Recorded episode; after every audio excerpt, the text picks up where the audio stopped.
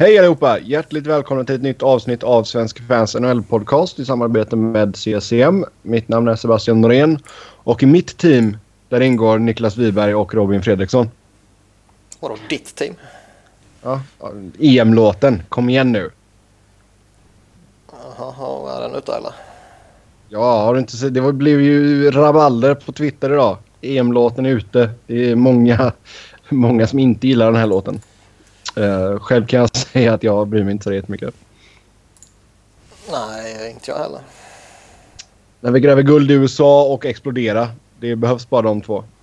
Tyckte du att explodera var bra? var ju Markoolio stänga och bättre. Fast alltså E-Types till eh, EM 2000, den är, ju, den är ju faktiskt bra. Ja, Den, är ju, den har ju blivit historisk. Och Ricky Martins till VM 98. Vilken var det? Nu får du sjunga lite här Robin. Eh, go, go, go, alle, alle, alle. Ja, ja, ja, ja. Just det, just det. Vilken var det hon gjorde? Uh, Pikets fruga. Shakira. VM 2010. Den var ju galet dålig. Waka Nej. waka. Nej, den var ju också bra. Den var ju också poppis.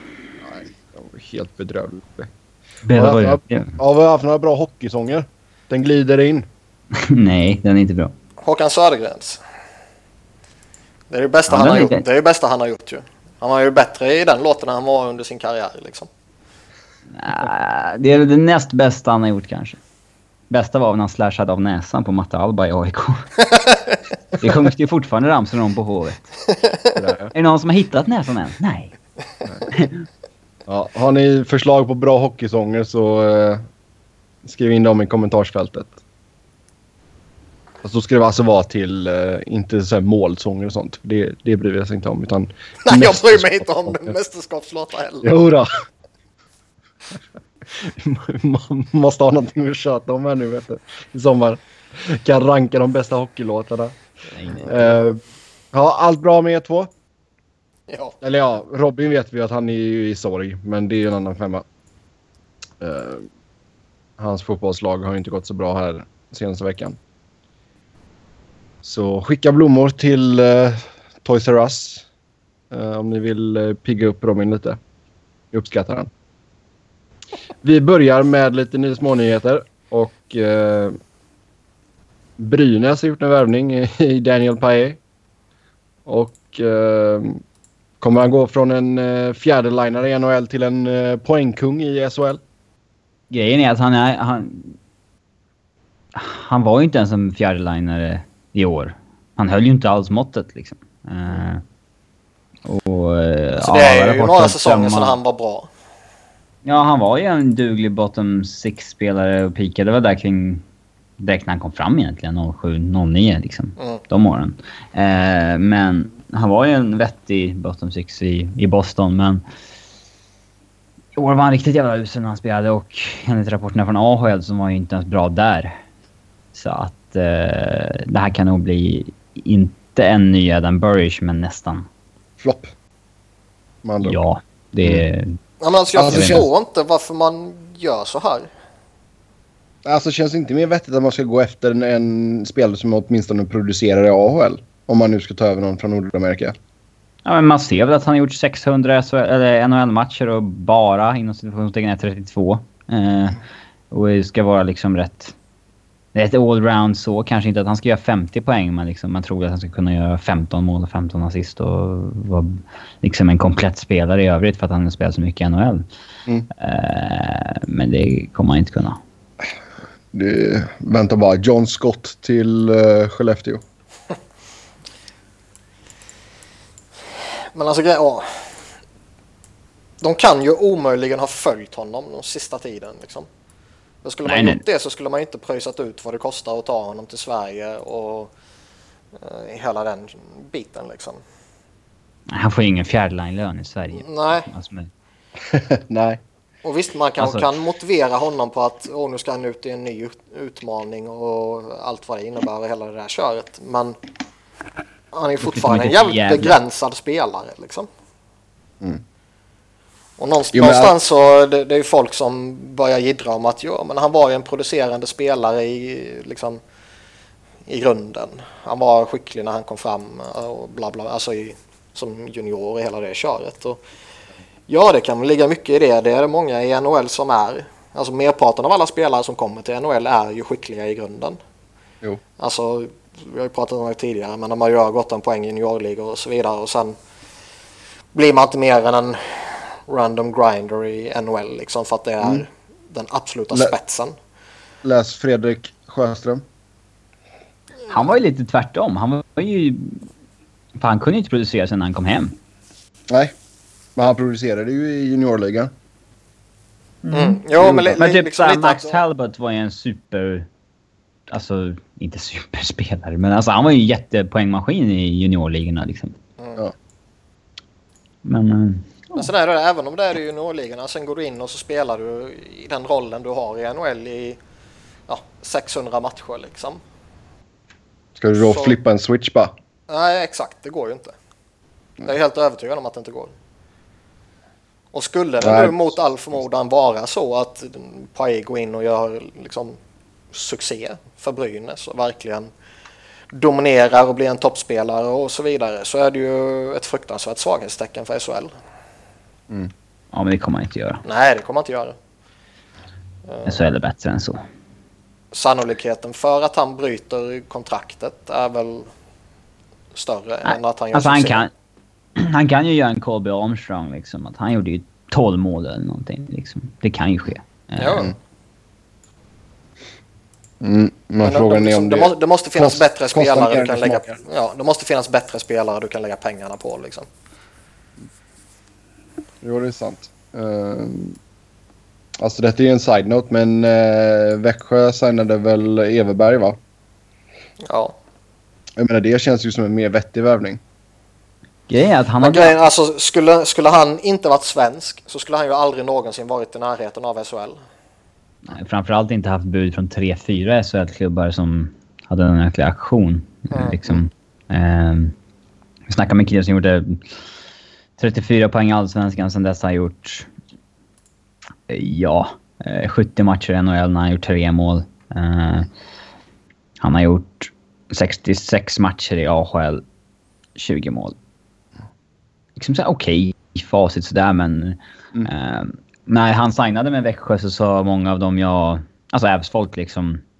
Att ja, han kan nog vara en av SHLs bästa tredje-linare liksom. Eh, man bara, ja, men det är inte där förväntningarna ligger på honom. Mm. Nej. Eh, men alltså, jag, han kanske gör 15 mål. Jag vet inte, då är han ju första linespelare i SHL. Mm, nej, vi får se vad han gör. Uh, Sarkassian skrev på ett ettårskontrakt med Edmonton. 1,5 miljoner i cap hit. Ja. Vad har vi att säga om herr Cassian? Det finns väl inte så värst mycket att säga mer än att han eh, inte alls blev vad man kanske eh, trodde och hoppades att han kunde skulle, eller skulle kunna bli.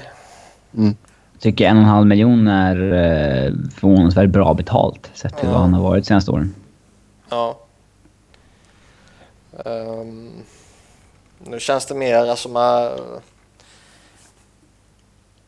Ja, liksom... Är han... Alltså är, är det ens lönt att hoppas om honom? Nej, men alltså det känns väl lite som att det är sista chansen, eller? Men han får ett år på sig här nu och bevisa vad han kan. Skulle han inte lösa detta så kan det ju mycket väl bli så att han blir en, ja, en karriärs AHL-spelare liksom. Ja, och dra till Europa. Mm. Jag vet inte, det, det känns liksom lite som att han fick sin chans och det misslyckades av olika anledningar och eh, ja, nu är han vad han är. Mm. Typ.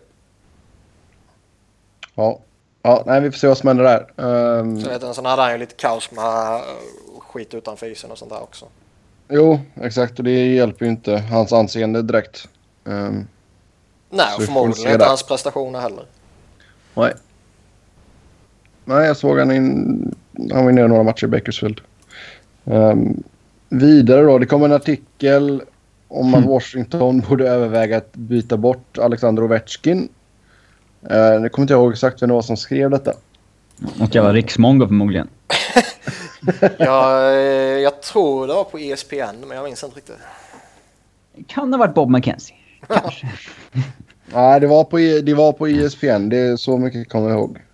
Jag kommer inte ihåg vem det var bara. det Men... är ju alltid eh, någon som ska säga så om det. Alltså det...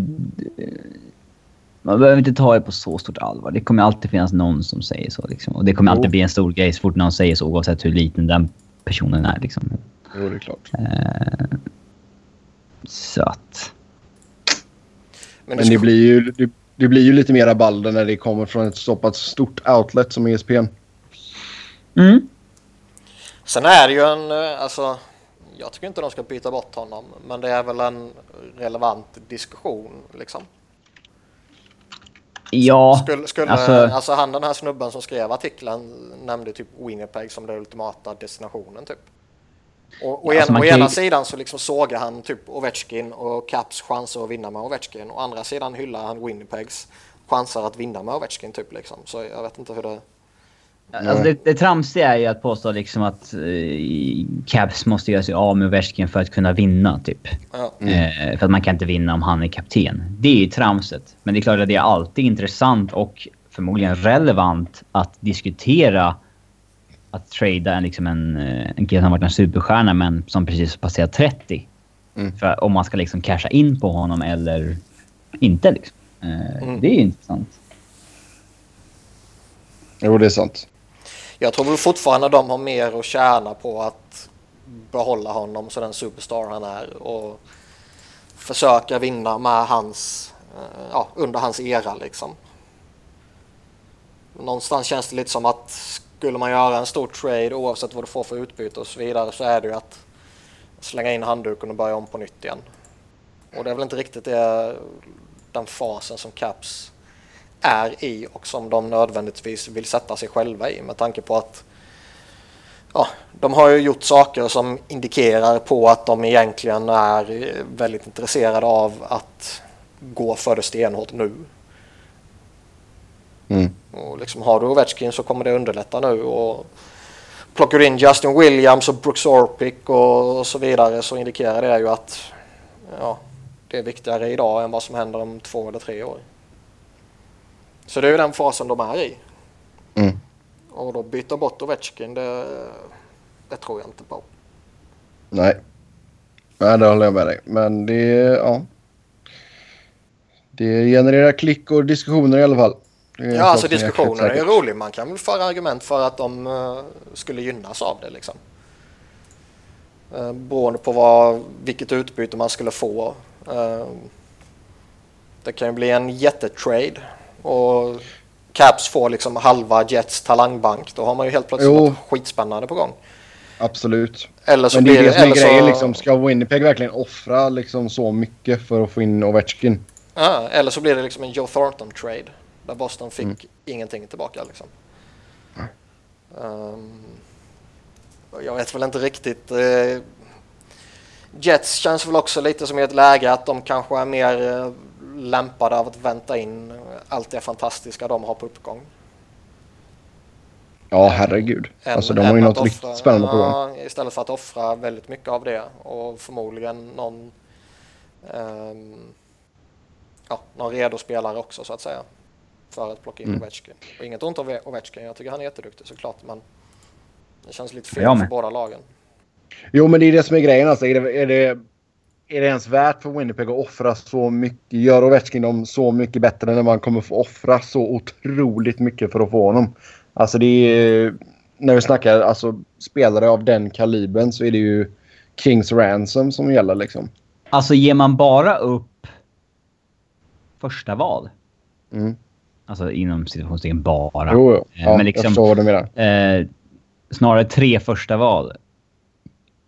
Och kan addera Ovechkin till den talangbanken som kommer komma upp närmsta åren på entry level-kontrakt. Mm. Då gör man ju sig till liksom en huvudkandidat till att vinna kuppen. Mm. Men jag tror inte att Washington bara skulle, eller bara då som vi säger bara, eh, skulle gå med på att ta tre första val. Nej, men om man lyckas undvika att ge upp någon Utan det hade ju säkert varit ge oss två första val, ge oss era, eran absolut bästa prospect, ge oss en riktigt bra färdigspelare. Kan, kanske till och med något mer. Liksom. Det, jag, jag tror att det hade varit ett ohyggligt pris på Ovechkin. Ju. Mm. Jo, jo, absolut med all rätta liksom. Ja, för det är inte bara en hockeyspelare man får, det är liksom en stjärna på så vis. Exakt. Det är- Jo, men det är samma sak som när vi har snackat liksom, ah, borde Pittsburgh eh, trada Malkin liksom. Det är... Ja, den är ju mera hockey... eh, Liksom, den går ju att snacka ur ett hockeyperspektiv. Men Crosby kommer ju aldrig hända i och med att Nej. han är Pittsburgh. Alltså han är ju liksom hela staden. Han har ju liksom... Ja, alltså Ma- Malkin är ju inte alls på den nivån om du jämför med Ovechkin och, och Crosby. Alltså spelmässigt Nej. är han det tycker jag. När, när alla tre är som bäst så är det ingen större skillnad tycker jag. Nej, men men alltså, eh, även- status och hela det här stjärnstämpeln som Robin var inne på tidigare. Där är ju inte Malkin på samma nivå som de här två. Nej, men jag tror också även att Malkin skulle kräva ett jäkla pris för att få bort honom från Pittsburgh.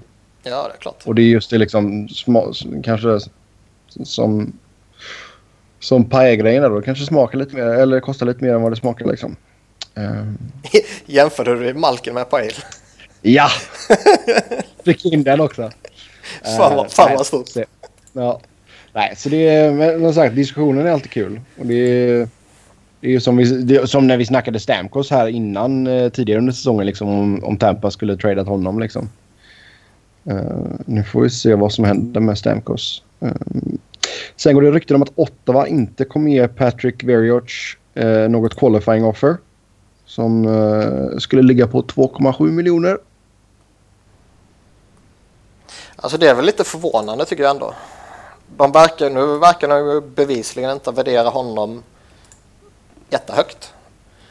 Eh, Men med tanke på vilka andra backar de har typ spelat liksom och sådär Mm. så är väl det lite förvånande. Tycker du att man är lite dumsnåla här?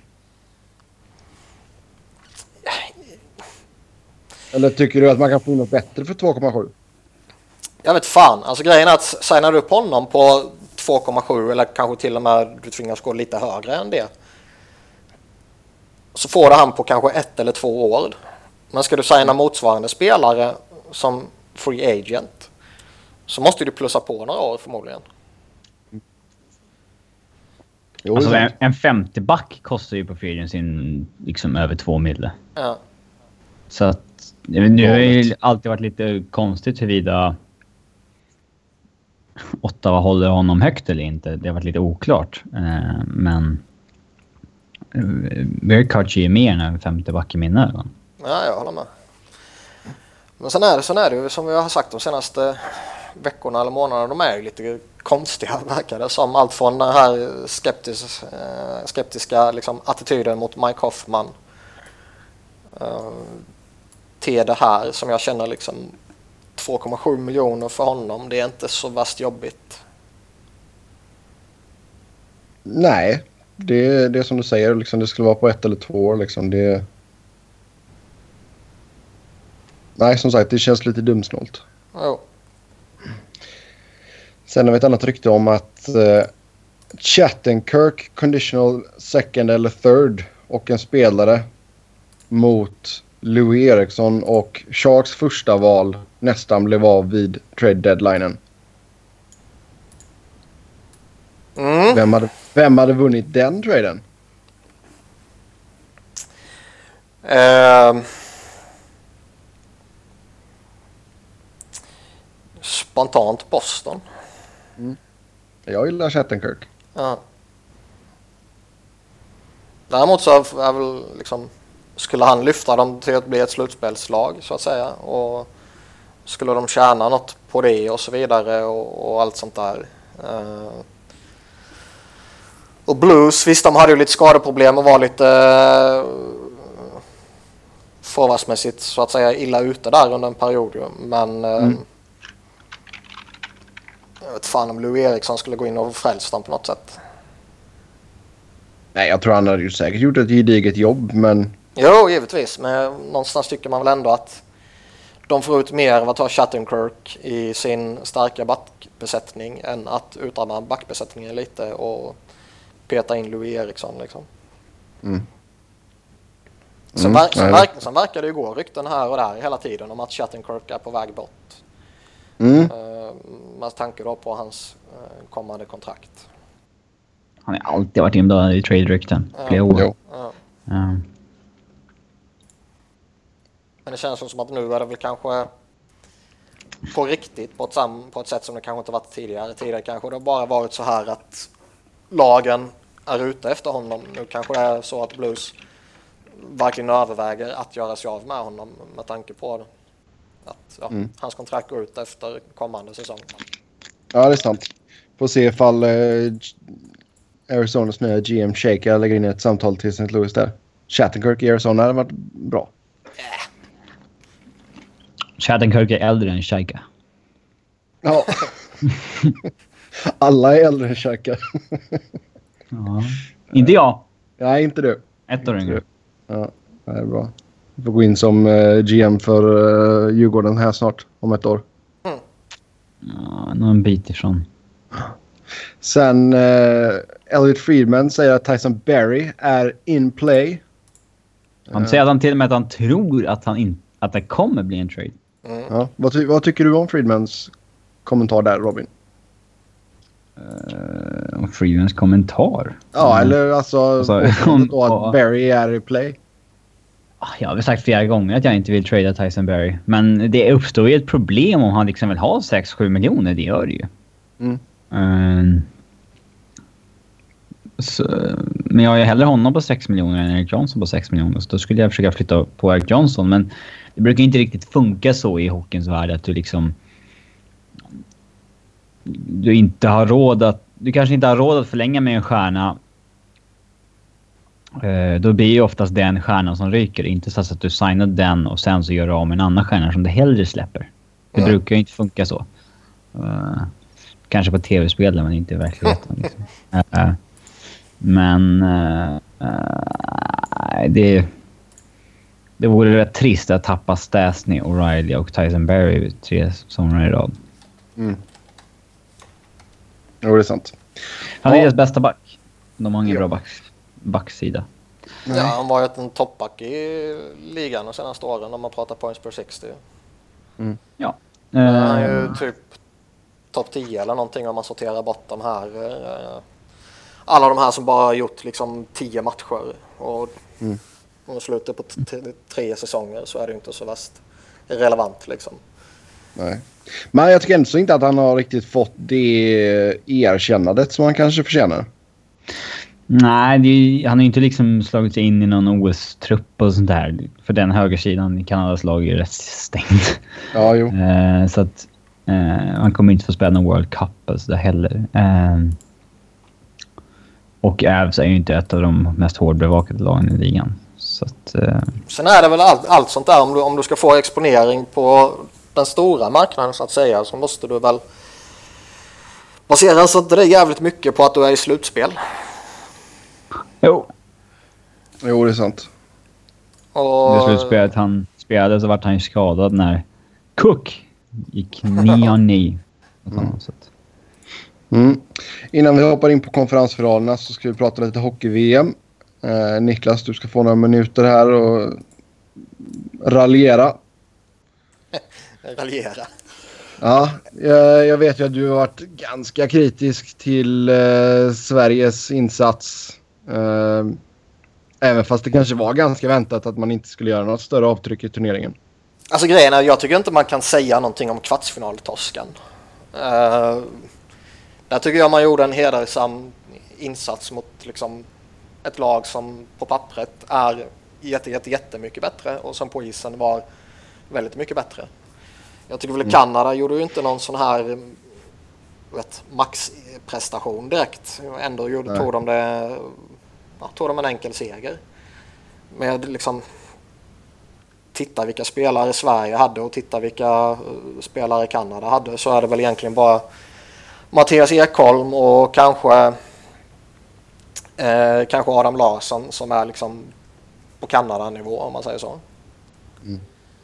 Eh, framförallt om man tittar på Kanadas forwardsbesättning så är den ju de kan slänga ut vilken kedja som helst, vilken kombination som helst och så är den ju ändå bättre än Sveriges bästa.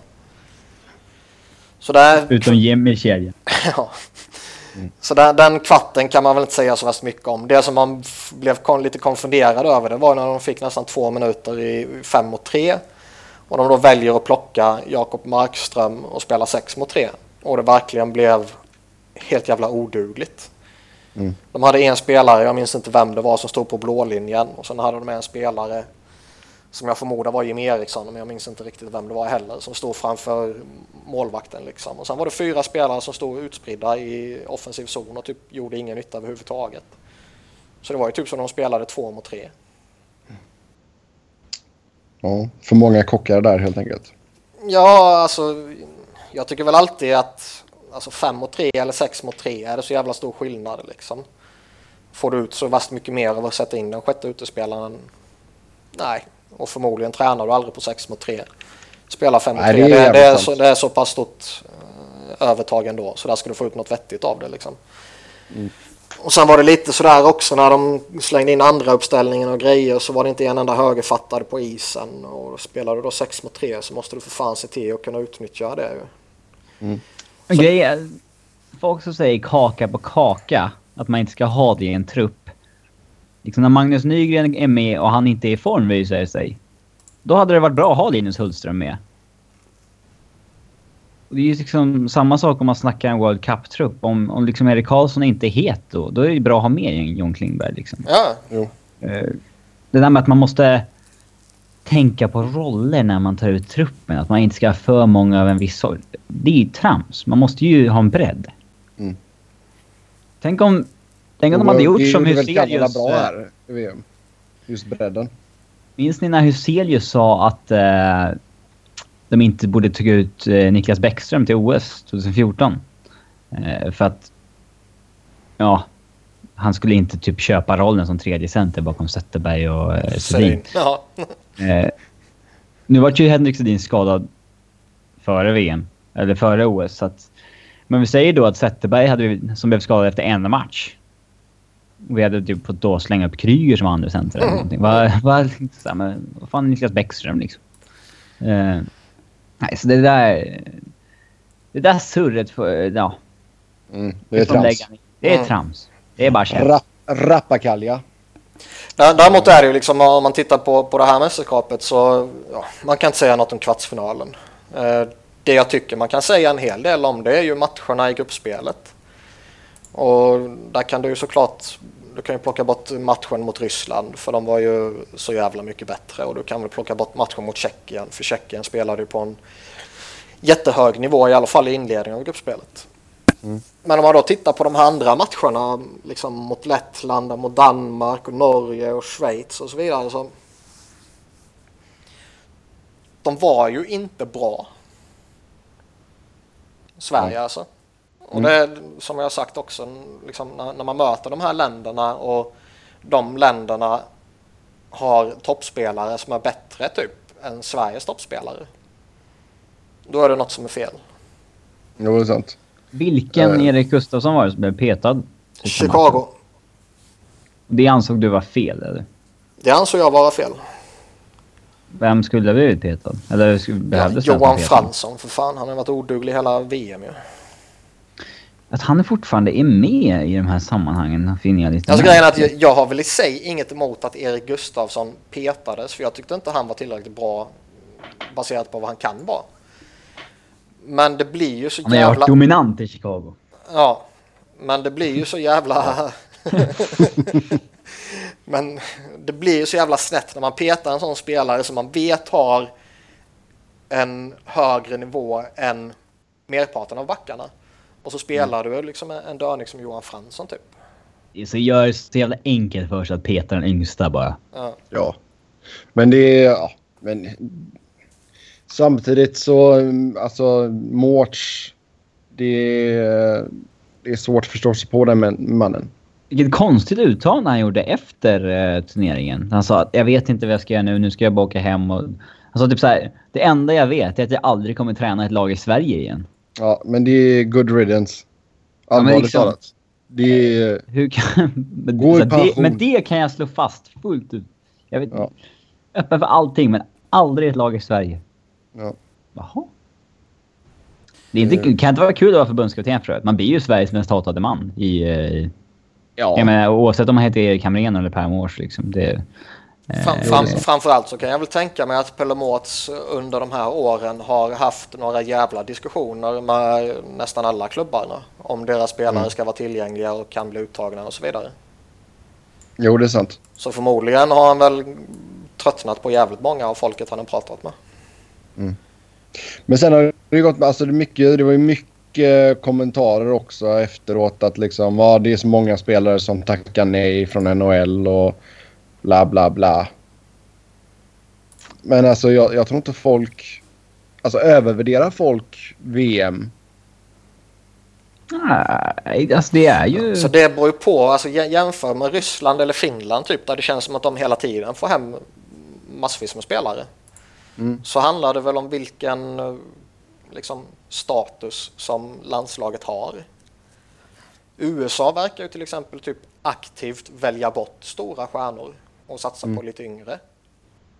Eh, Och framtidsnamn och allt sånt där. Och ibland går det lite halvknackigt för dem men jag kan ändå liksom uppskatta den, den satsningen som de gör på det sättet. Alltså de kan ju krydda med någon spelare liksom. Ja, men ibland gör de knappt ens det.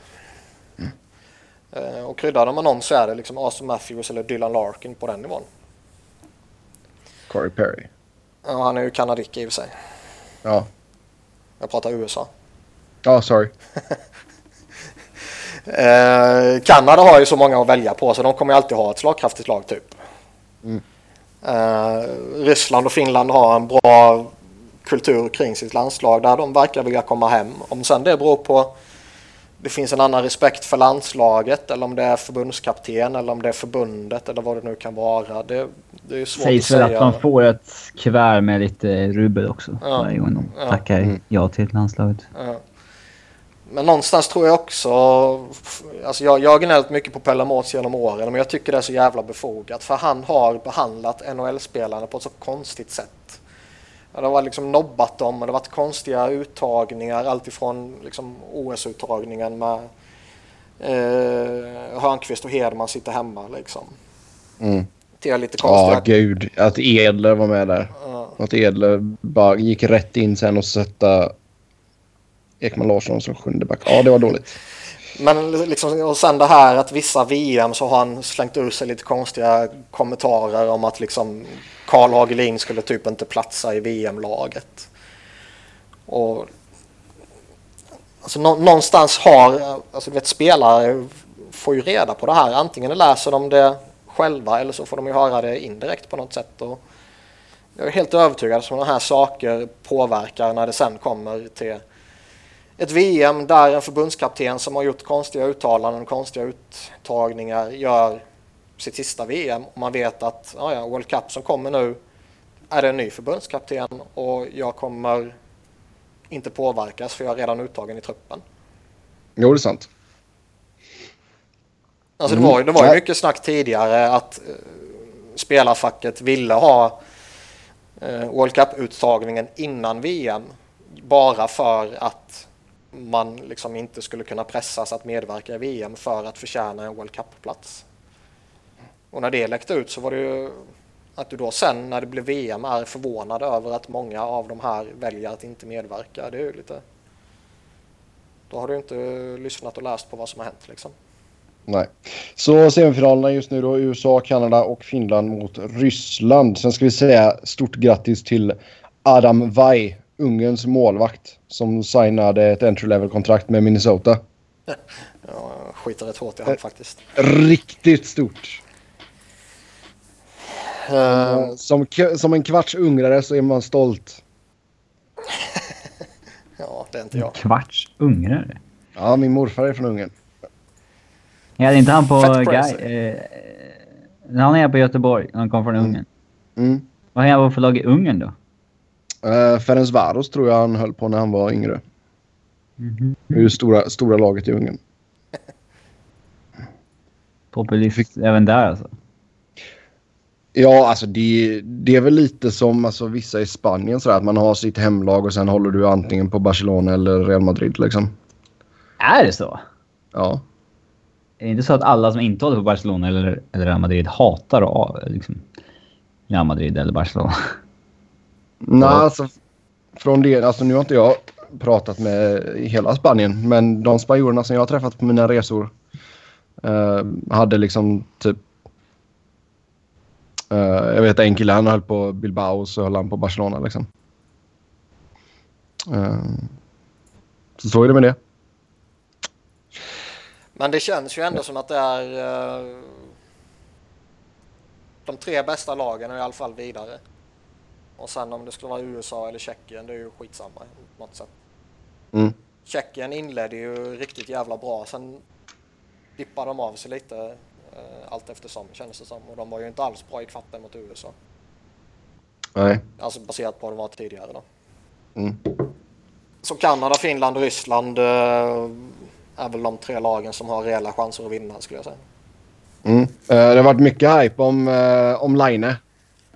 Ja, Han har gjort det bra. Han har gjort det jäkligt bra. Han har gjort jättebra. Men det, det som är allra mest roligt att se det är ju ryssarna med Panarin-kedjan. Med Chipachov och Dadonov. Mm.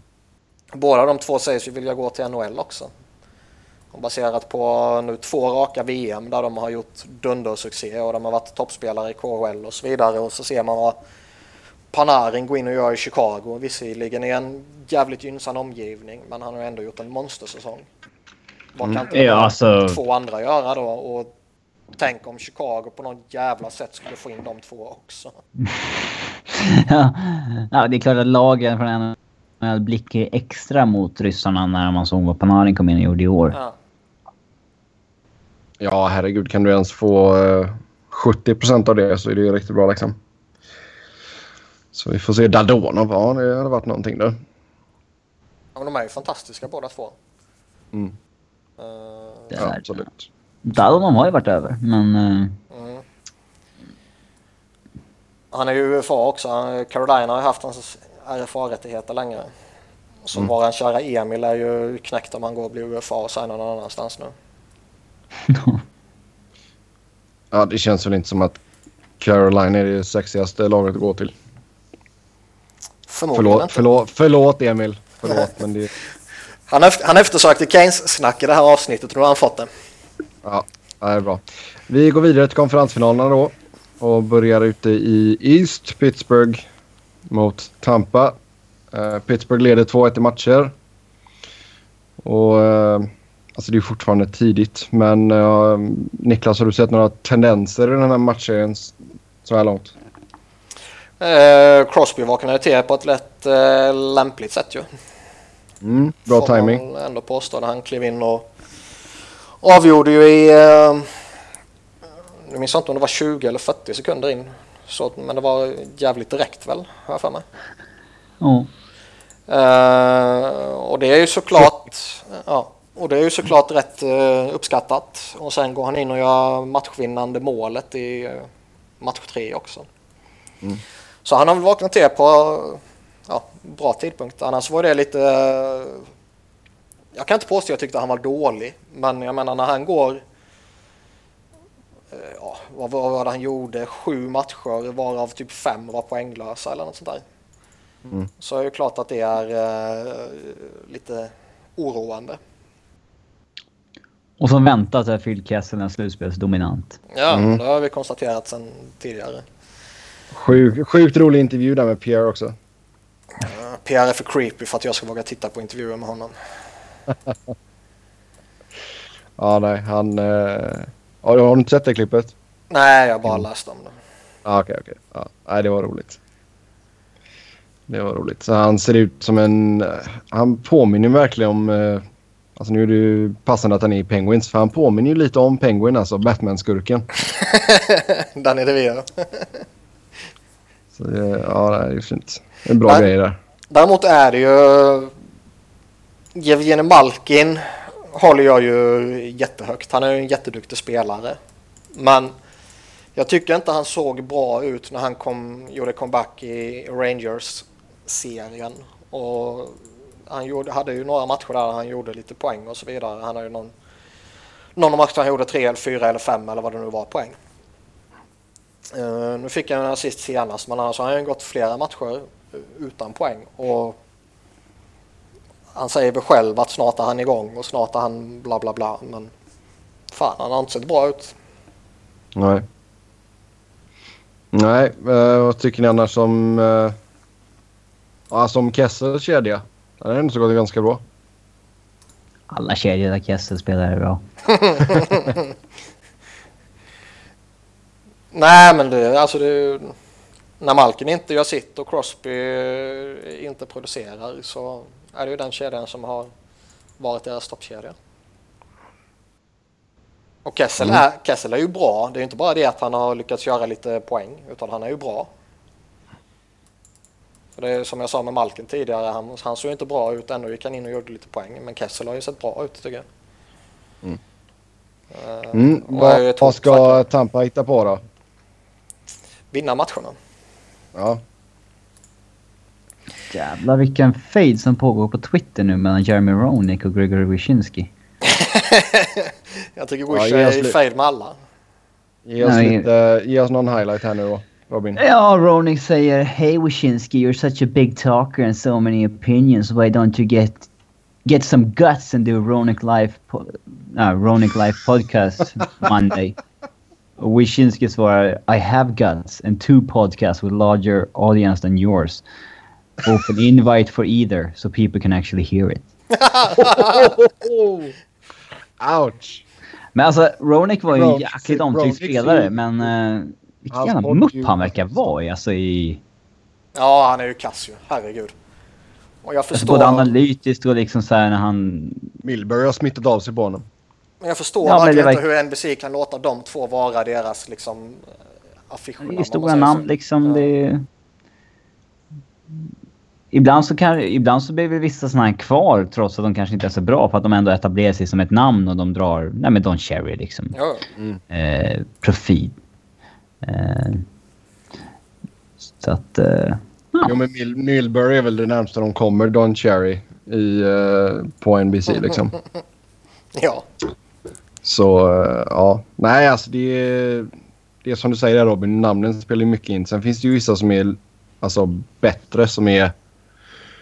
Jag tycker, ju- Brian, jag tycker Brian Boucher gör ett skitbra jobb. Bush är grym. Jag tycker han, eh, vad heter Han Mike Johnston jävla heter han va? Johnston är bra också. Ja, han tycker jag är bra. Det var ju Ronick som skrev... eh, Det var han som myntade uttrycket “Again I'm right in my analysis”. När han eh, skrev om Kovalchuk. Han skrev “Hey Ilya, hope you live comfortably in Russia with the money you made from, from the 23 million you stole from the Devils. Again I'm right in my analysis”. Man måste gilla JR på något sätt, trots att han är eh, kass. Han är ju charmig på något sätt. Ja, det är klart att han sticker ut hakan lite och är lite rolig ibland liksom. Men ja, det var det. Hur, eh, om vi går tillbaka till matchupen här mellan Pittsburgh och Tampa. Hur tycker du att eh, Vasilevski har sett ut sedan han kom in? Alltså jag tycker, jag ty- skulle jag vara Tampa så skulle jag väl inte vara jätteoroliga för någonting. Uh, visst, går man och hamnar i ett 1-3 underläge så vänder man väl inte det. Men jag skulle inte vara orolig i dagsläget. Eh, jag tycker att de, de ser inte dåliga ut på något sätt. Jag tycker att går du att tappa Ben Bishop som är en av ligans bättre målvakter eh, så är det klart att det är en försvagning. Att tävla något annat är ju korkat. Men Vasilevski är ju en väldigt duktig och framförallt väldigt lovande backup. Och det är ju inte så att Tampas chanser liksom dog ut bara för att Bishop gick och blev skadad. Nej. För det var ju när, när det hände så verkade ju hela eh, ja, hela Twitter verkar ju liksom explodera på något sätt och där eh, liksom domedagsprofetiorna var framme och hela det här kök, köret. Men så är det ju inte alls ju. Visst, nu har Vasilevski gått in och torskat två matcher här men ja, jag kan väl inte eh, hänga honom för det. Nej. Nej, som sagt, det är eh, talang. Väldigt stor talang fortfarande. Så, Mm. Får se om de kan vända på detta. Eh, match fyra är i natt. Natten till lördag. Ja, Ja. Ska vi gå över till eh, West då? Där... Eh, Det kan väl säga Strålman har gjort comeback ju. Mm. Och pytsade direkt ju. Och det var väl en rätt viktig... Dominans som vanligt. Ja. Det var väl rätt viktigt att få tillbaka honom. Ja, alltså blir du av med Bishop så är det klart att det är... Och det känns det väl lite skönt att få tillbaka Stålman i alla fall. Mm. Sen har väl Stamkos varit ute och jiddrat lite om att han kanske inte spelar överhuvudtaget i slutspelet och så vidare och bla bla bla. Och, Ja. Varför går han ut och säger det? Ja, han fick väl en fråga och han svarade på en fråga. Då säger man jag vet inte. Nej, det är ju tråkigt. Då skulle vi kritisera han för att han inte vågar säga någonting. Ja. Sen är det väl alla, alla fattar ju att ja, du är borta med blodproppar och du käkar eh, medicin för det. Det är klart du kan vara borta hela sommaren liksom. Så det, det är inte chockerande uppgifter han kommer med. Det är inte så att han har fått ett att det, vet, han fick en lättare skada och så fick han ett baslag i rehaban och så kommer kom, så kommer han fram och säger att jag kanske är borta hela slutspelet.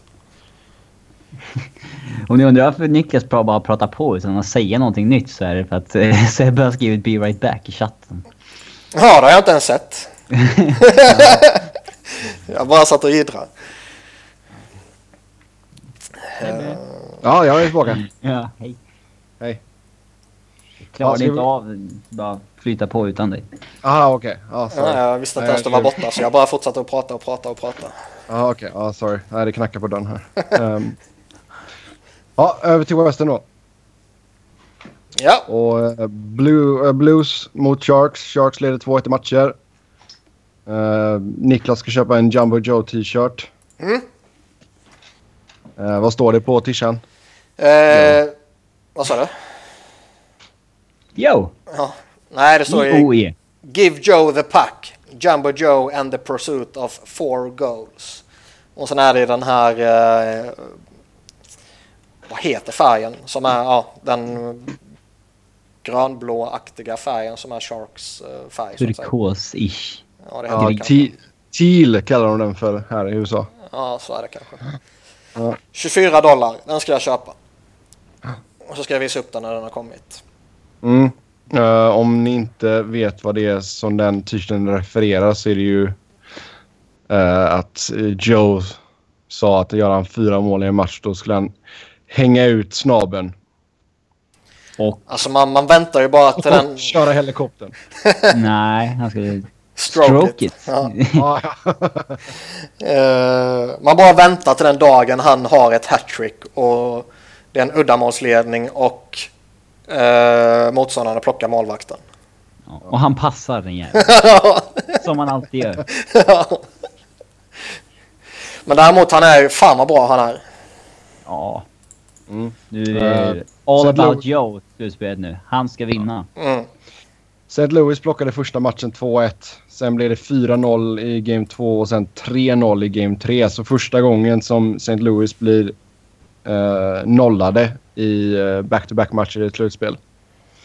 Alltså grejen är att jag, jag tycker väl inte att Sharks har eh, maxpresterat och att Blues har liksom underpresterat.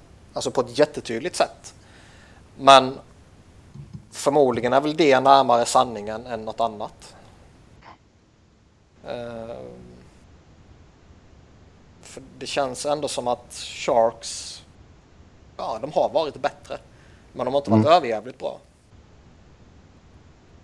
Nej, men och sen alltså vad har hänt med alltså Blues? Alltså det känns ju inte som att Blues-försvaret har hjälpt Elliot överdrivet mycket här nu i match 2-3 i alla fall. Ehm, Men det är alltid svårt att säga. Handlar rör sig om en eller två eller tre matcher. Liksom. mm. Det kan hända konstiga saker i en match utan att det är så värst anmärkningsvärt i sig. Mm. Eh, Thomas Hertel eh, satte två i eh, senaste matchen här och Jonas Donskoj fick ett också. Uh, Donskoj har varit Ja. eh, bra. Men det är det som är så skoj med Sharks eh, detta slutspelet. Att det är ju inte en eller två eller tre spelare som tvingas bära det här laget. Eh, Visst, eh, Couture han eh, har gjort eh, herrans massa poäng och Brent Burns är eh, kung från backplats och Pavelski pissar in mål och så vidare. Men de har ju en hel radda med spelare som producerar. Hertel har ju klivit fram någonstans och Donskoy har vi nämnt tidigare och sådär liksom. Han har gjort någonting här. Joel Ward han har gjort någonting där och Chris Tierney har gått in och gjort tre pyts till exempel. Mm. Till och med jävla Melke Karlsson och Tommy Wingels går in och pytsar liksom. Men det är klart att the Milkman Ja. delivers. Så de har ju liksom, deras toppspelare är igång och deras eh, djup har producerat. Mm. Nej, alltså det är ju kul. Det är, alltså Hertel är en jävligt kul spelare att kolla på. Så det är på så sätt så är det roligt att se honom studsa tillbaka lite efter en ja, inte överdrivet bra grundserie. Mm. Ehm, fick ju hoppa runt lite i kedjorna och sådär. Ehm, så det är, det är kul att se. Absolut. Men alltså med tanke på hur de här två senaste matcherna har gått så känns det ju som att allting talar för Sharks. Ja, det gör det. Och nu är, det, väl- nu är det väl lite snack här i Blues då. eh, Elliot eh, eller Allen i nästa match. Och jag tycker väl det är hårt att hänga Elliot för det här så jag skulle köra vidare med honom. Jo. Det, för jag menar, till, alltså slår du ut det på det stora hela så har han gjort ett jävligt bra slutspel. Jo. Så nej, jag köper det. Kör, kör på honom. Sen om det blir pannkaka igen, ja då kanske man får ta en diskussion till. Sen är det ju de här tre matcherna Tarasenko har gått poänglös. Mm. Det har de nog inte råd med. A Nej. clutch.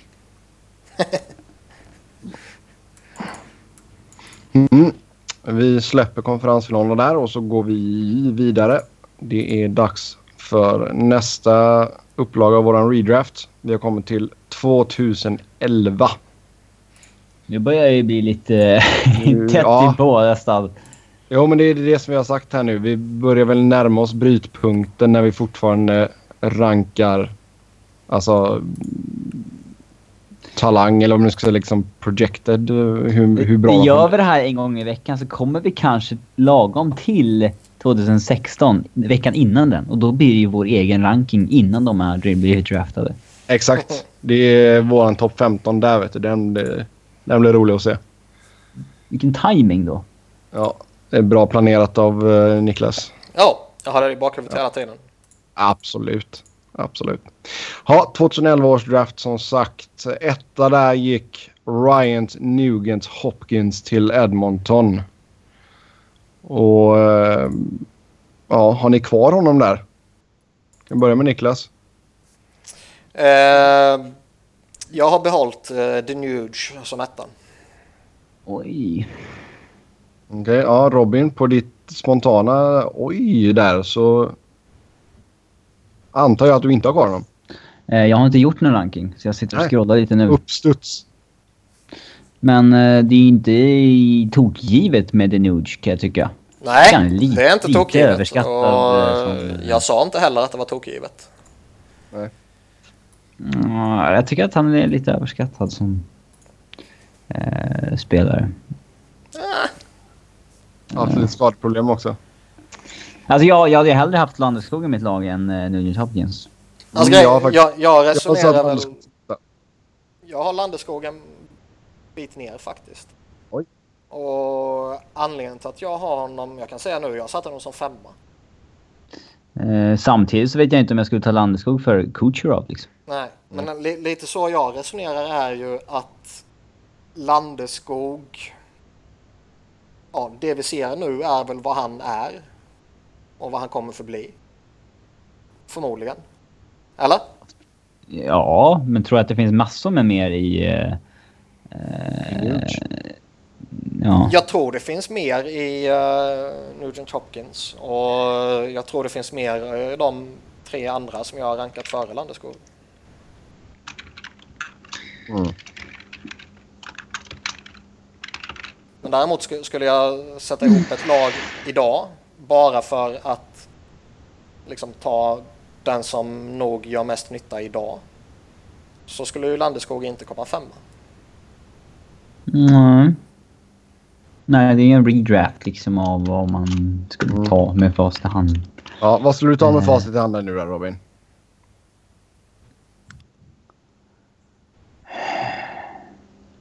För att inte krångla till hela listan så skulle jag ju välja över mellan Landeskog och Hopkins för att vi ska kunna gå vidare. Och då väljer jag ju Landeskog som jag sa tidigare. Okej. Vad hade du Sebbe? Jag hade Landeskog. Ja, alltså han hade Landeskog och du Denuge. Så att... Eh, väljer jag mellan dem för att göra det lite smidigare. Mm. Och då blev det Landeskog. Ja. Det var Homer Pick. Eh, t- Landeskog gick tvåa då till Colorado. Mm. Mest poäng av Mm. alla i draften. Ja. Ehm, alltså jag har inte ens Hopkins som tvåa. Inte med på min topp 15. Jag har inte heller Hopkins som tvåa. Mm. Vem har du som tvåa? Johnny Hockey! Mm, det har jag med. Ja. Hade han haft nå, nå- alltså, något mer alltså... Alltså jag, jag, jag, jag vill ju ha in uh, Nugent Hopkins här eftersom jag hade han som etta såklart. Mm, Men tvåa på min lista är ju Johnny Hockey efter Nugent Hopkins då. Och jag vet inte om jag skulle välja Kucherov före, eller Palat. Palat har inte varit så jävla het i år så han är lite bortglömd. Mm. mm. Nej, men jag tror alltså, hade- hade Hockey haft en säsong till under bältet så hade jag nog nästan kunnat sätta honom etta. inte bara kalla honom för hockey. Jo. Johnny Hockey är en sak, men inte bara kalla honom för hockey.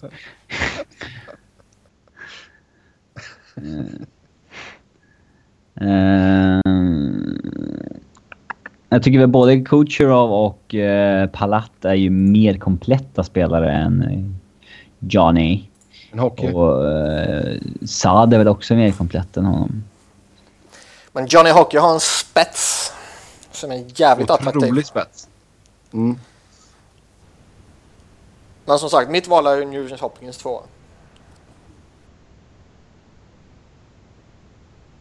Och varför att jag håller han så högt är för att jag tycker han är jävligt skicklig och jag tror han är en...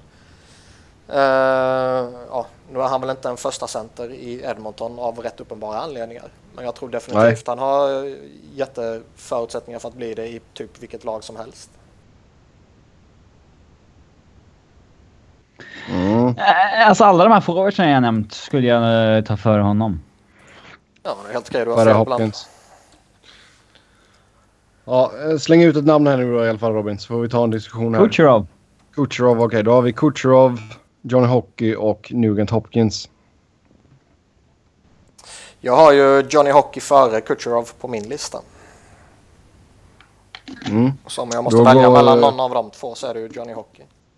Ja, då har vi Johnny Hockey som två där då. Eh, trea, där gick Jonathan Huberdeau till eh, Florida. Ja, eh, ni förstår att jag fortfarande har Nugent Hopkins. Trea Mm. på min lista efter Hopkins och Johnny Hockey är Kucherov. Ja, Kucherov. Mm, Kucherov eh, jag vill jag hålla med om där. Jag håller honom högre än Hopkins också. Kucherov. Då har vi Kucherov in på tredje där då. Fyra, där gick Adam Larsson till New Jersey. Mm. Han ska ner. Ja, En jag har... eh, ja, det ska han. Jag har uh, Huberdeau här. Men som sagt, jag är fortfarande kvar Nugent Hopkins. Mm. Säger Brandon Saad. Nej, jag, jag går... Nej, vi kan pilla in uh, Nuge där faktiskt. Kan vi göra. Det tycker jag. Ja, så Nugent Hopkins går in på fjärde platsen. Femma, där gick Ryan Strome till Islanders. Eh, nu är jag ju eh, lite sugen på Huberdeau. Mm, det kan jag förstå.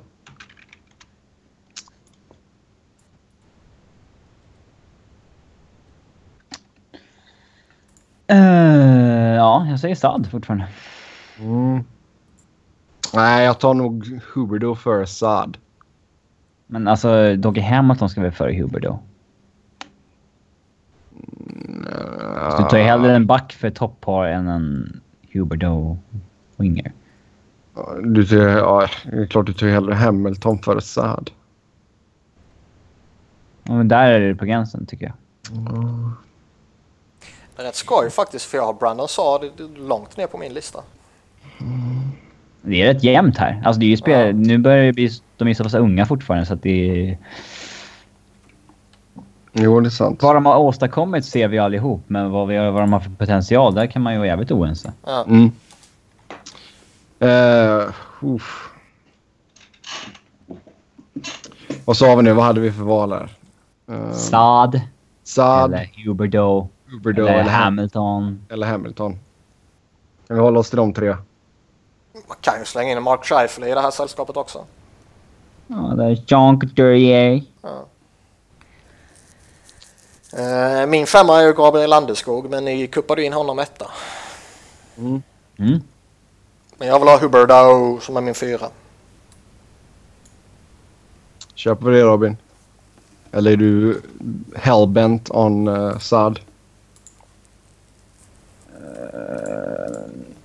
Jag skulle nog inte ta Huberdo för eh, Hamilton, Scheifele eller Couturier. Håller du honom så lågt alltså? Så lågt. Det är ju inte direkt pissspelare som jag säger. för, Min nästa spelare på min lista, uh, sjätteplatserna, så är ju Scheifele. Mm. Så om vi står och väljer Varför- något så, ja, honom. Va- Varför har du kallnat så hårt på Hamilton?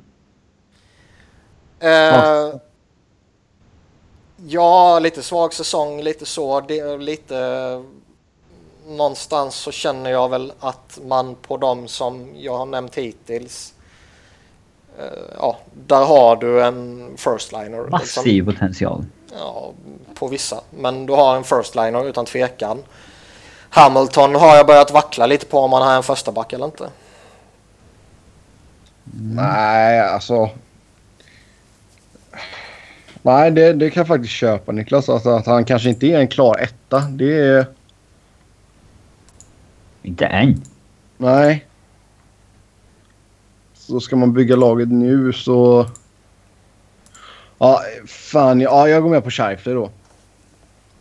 Då tar han femma då. Ja, Scheifele går in som femma istället för Ryan alltså då har vi samma problem igen. Det är Ja, alltså. Huberdo, Saad och Hamilton. sexa, där gick eh, Mika Zibanejad. Är det som man säger det, Robin? Zibanejad.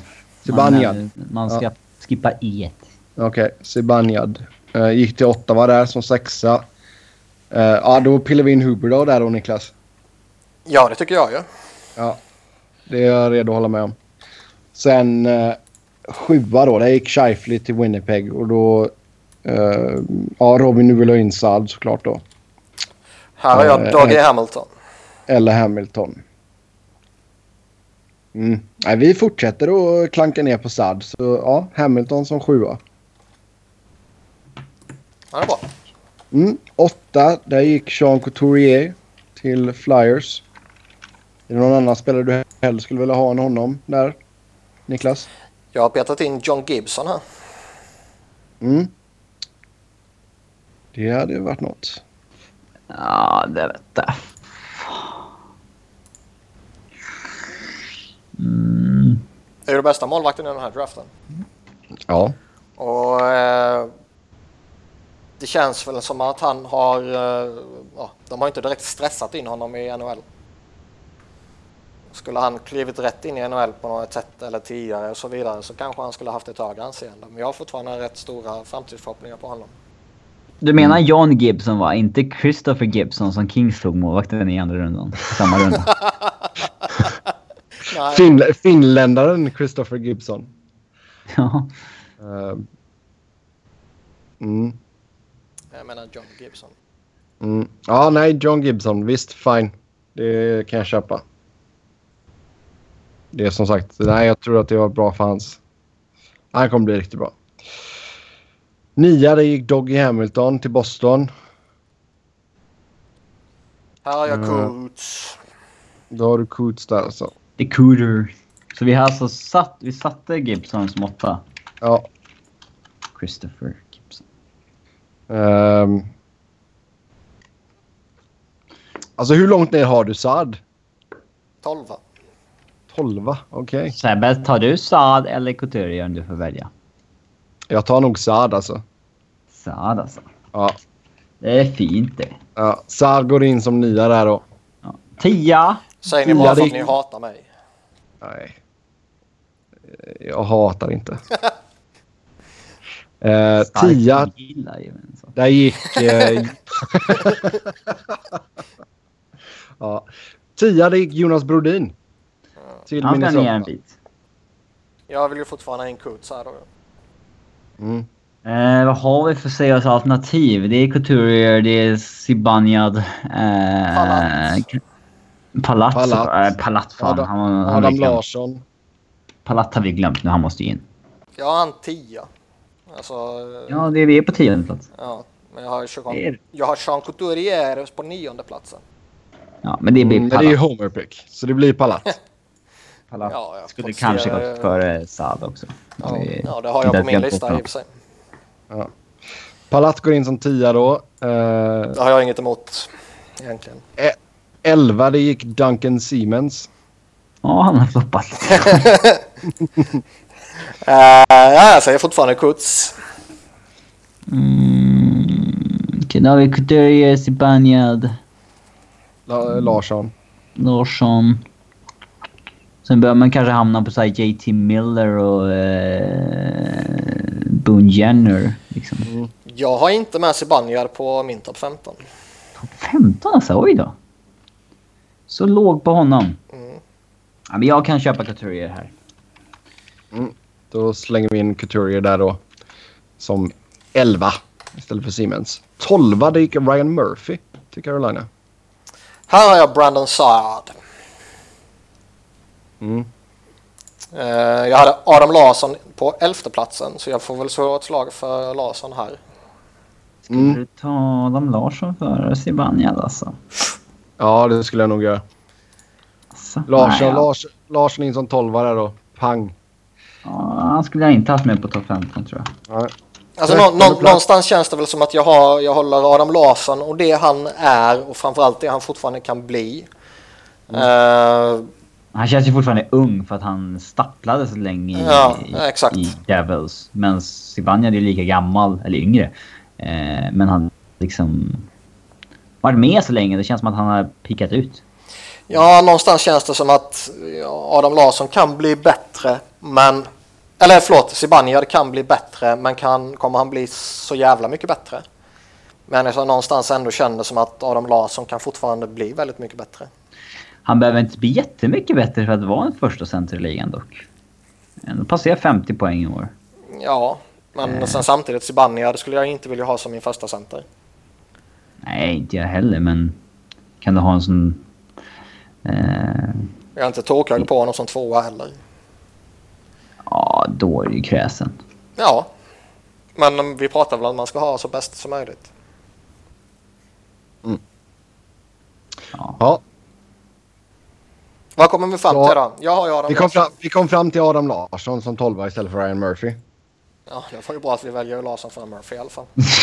du lägger alldeles för stor vikt på där vem som är tagen på de här förut. Ja, sorry. Eh, 13 plats gick Sven Berchi från Schweiz till Calgary. Mm. Jag har inte kvar honom. Nej. Eh, 13 platsen har jag Rickard Rakell. Och där kanske man är lite för tokhög på just den här säsongen. Mm, alltså, ta Raquel, alltså kan man ju nästan slå ett slag för JT Miller. The Boone Jenner. Mm. Boone. Boone. Eller Vincent Trocek. Ja. Mm, ja. Eller Shaw till och med faktiskt. Mm. Han är ju ett as, men alltså ja. Grejen är att Ja, jag, jag, har, eh, jag har Rakell 13, jag har Brodin 14 och jag har Boone Jenner 15. Så jag har dumpat eh, Zibanejad, Miller, Klefbom, Shaw, Trocek, Namestnikov, eh, Ryan Strome utanför. Eh, Okej. Nej, men 13 av de som är kvar skulle jag säga Boone Jenner. Mm, Boone. Jag har inget emot det, jag gillar honom. Boone. Ja, Sen är, sen är det lite och- någonstans liksom, nu, nu är man ändå alltså 12, 13, 14. Det spelar ingen roll vilka spelare man sätter där egentligen kan jag känna. Nej, vi gör det här jätteoseriöst. Jag Sätt menar, jag, jag, jag, jag, menar, jag menar mer att det är så tajt mellan de som är kvar. Det är sant. Ja, okej, så Boone in på 13 plats då. Ja. 14 plats, Jamie Oleksiak gick till Dallas. Här vill jag ha in Mika Zibanejad. Nej, han ska vara utanför topp 15. Jag vill inte ha med Jonas Brodin på topp 15. Nej, men Raquel vill jag fortfarande slå ett slag för. Gnagare. Det är så, ja. Ja, det spelar väl ingen roll. Jo, det är ju en... eh, inte ett handikapp, men alltså... Det är ju svaghetstecken, det håller jag med om. eh, nej, men... Alltså det är svårt. Han har gjort en bra säsong. Jo. Jag menar, hade Zibanejad gjort samma sak som Raquel i år så hade vi inte liksom tokhyllat Zibanejad. Nej, kanske inte. Jag menar, Zibanejad har gjort mer poäng två senaste säsongerna än vad Raquel gjorde i år. Mm. Eh, Nu har visserligen Raquel fått äta sig upp i kedjorna under säsongens gång, men ändå. Eh, Nej, alltså, Mm. nej, jag har väl inget emot. så Det är inte så att jag i princip fast måste hålla Zibanejad utanför topp 15. Det är inte det jag menar. Och jag skulle väl inte gå i taket om eh, ni kuppar in honom på 14 platsen heller. Men... vad säger eh, Sebbe då? JT Miller. Ja, men vad fan. Du får ju välja mellan Raquel och Zibanejad. Varför? Du kan få välja mellan JT Miller och Raquel. Ja, då säger jag JT Miller. varför det? För att han är bättre än Raquel. Raquel, Raquel har gjort eh, mer poäng på färre matcher. Ah, Okej. Eh, nej, men spontant så känns JT Miller... Å andra sidan har Viktor Rask gjort mer poäng än både Raquel och Miller. ja. Ja, Andrew Shaw eh, har ju mm, åstadkommit mer än alla dem hittills. Fast han har spelat typ Mm. dubbelt så många matcher också. Ja, men det räknar jag in som en bedrift snarare än något som jag håller emot honom. Ja, jo. Ja, jo, men Ja. ja, nej, absolut. Men jag menar bara om man pratar poängproduktion. Mm. Det är sant. Ja. Så vad kommer vi fram till då? Jag skulle sätta Zibanejad eh, som eh, nummer eh, 14 och Shaw som 15.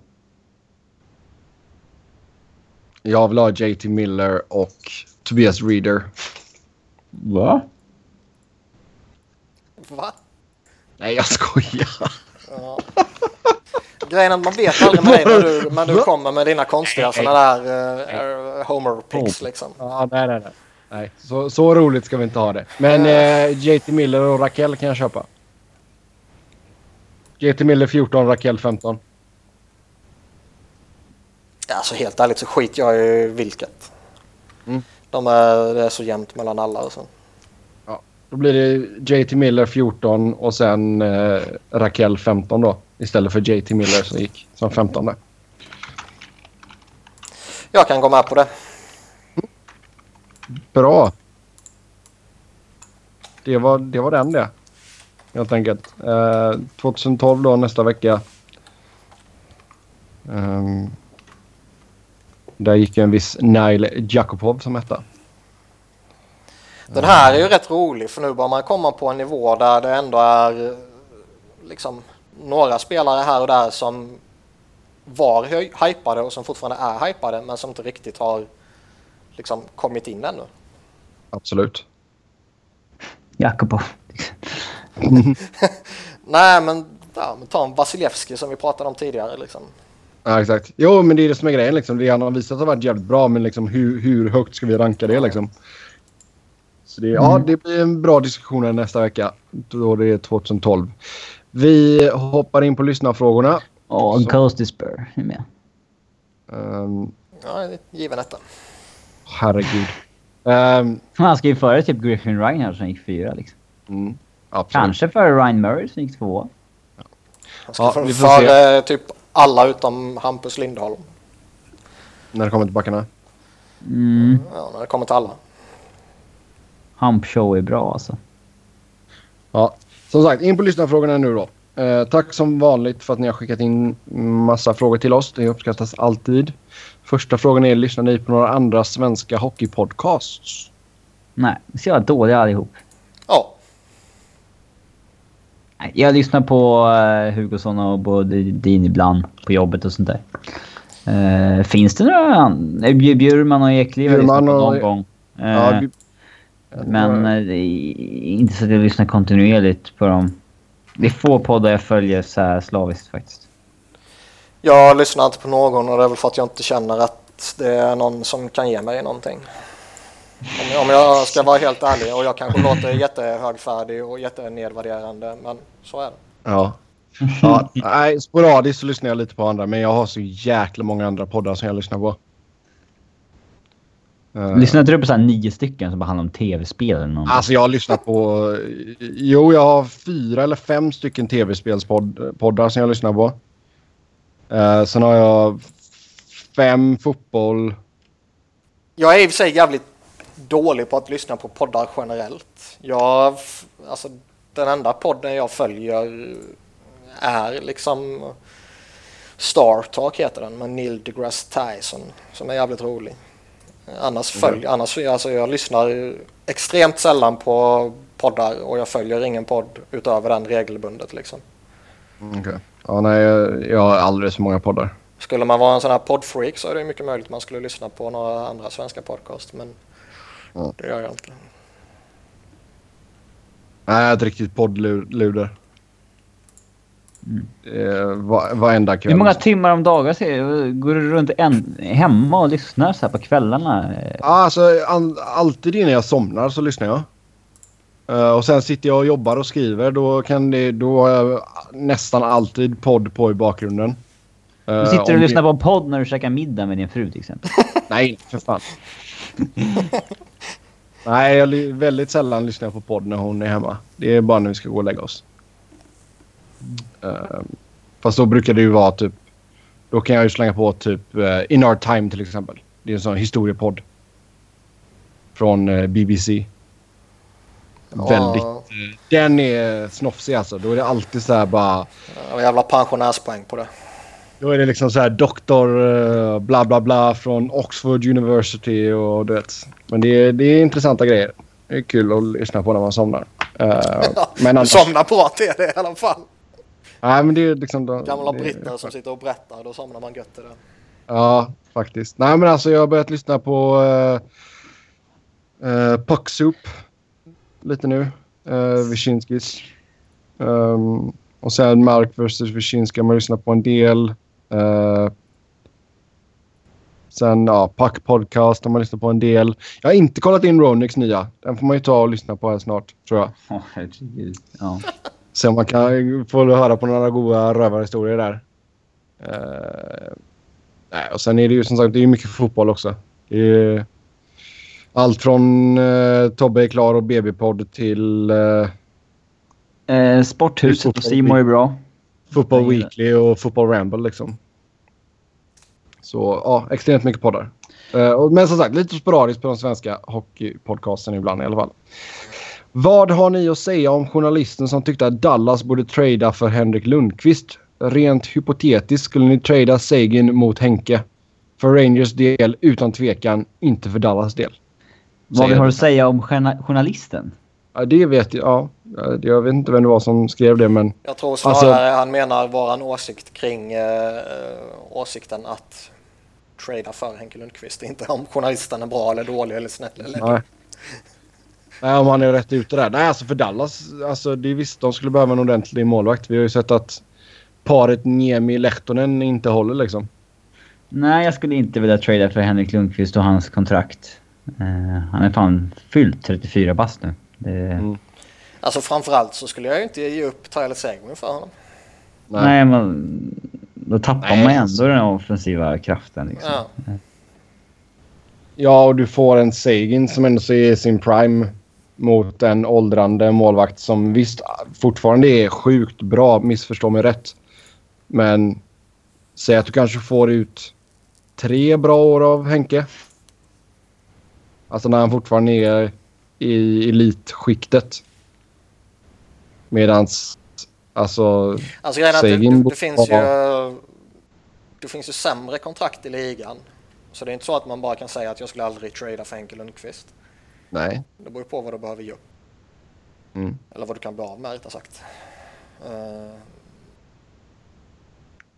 Men grejen är att han är fortfarande så pass bra så jag tror att du fortfarande kommer behöva betala ett högt pris för att få honom. Även om Absolut. kontraktet på lång sikt är lite eh, jobbigt. Mm. Och ska du då liksom offra i det här fallet då liksom Tyler Seguin för att ta in Henk Lundqvist som ja de närmsta åren kommer han säkerligen vara en av ligans bästa målvakter. Men ehm, du tappar så jävla mycket om du är Dallas och du är upp Tyler Seguin liksom. Även om du Exakt. fortfarande har Patrick Sharp och Jamie Benn och Jason Spezza, Cody Eakin och ehm,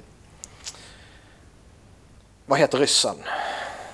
Nu står det still för mig. Niturskin. Nitushkin ja. Va? Som- Niturskin. Ja, som fortfarande kan bli jätteduktiga. Så du Mm. fortfarande har offensiv firepower men du tappar ju den där spetsen som du bara har i Ben och Seguin och som är Dallas det- styrka liksom.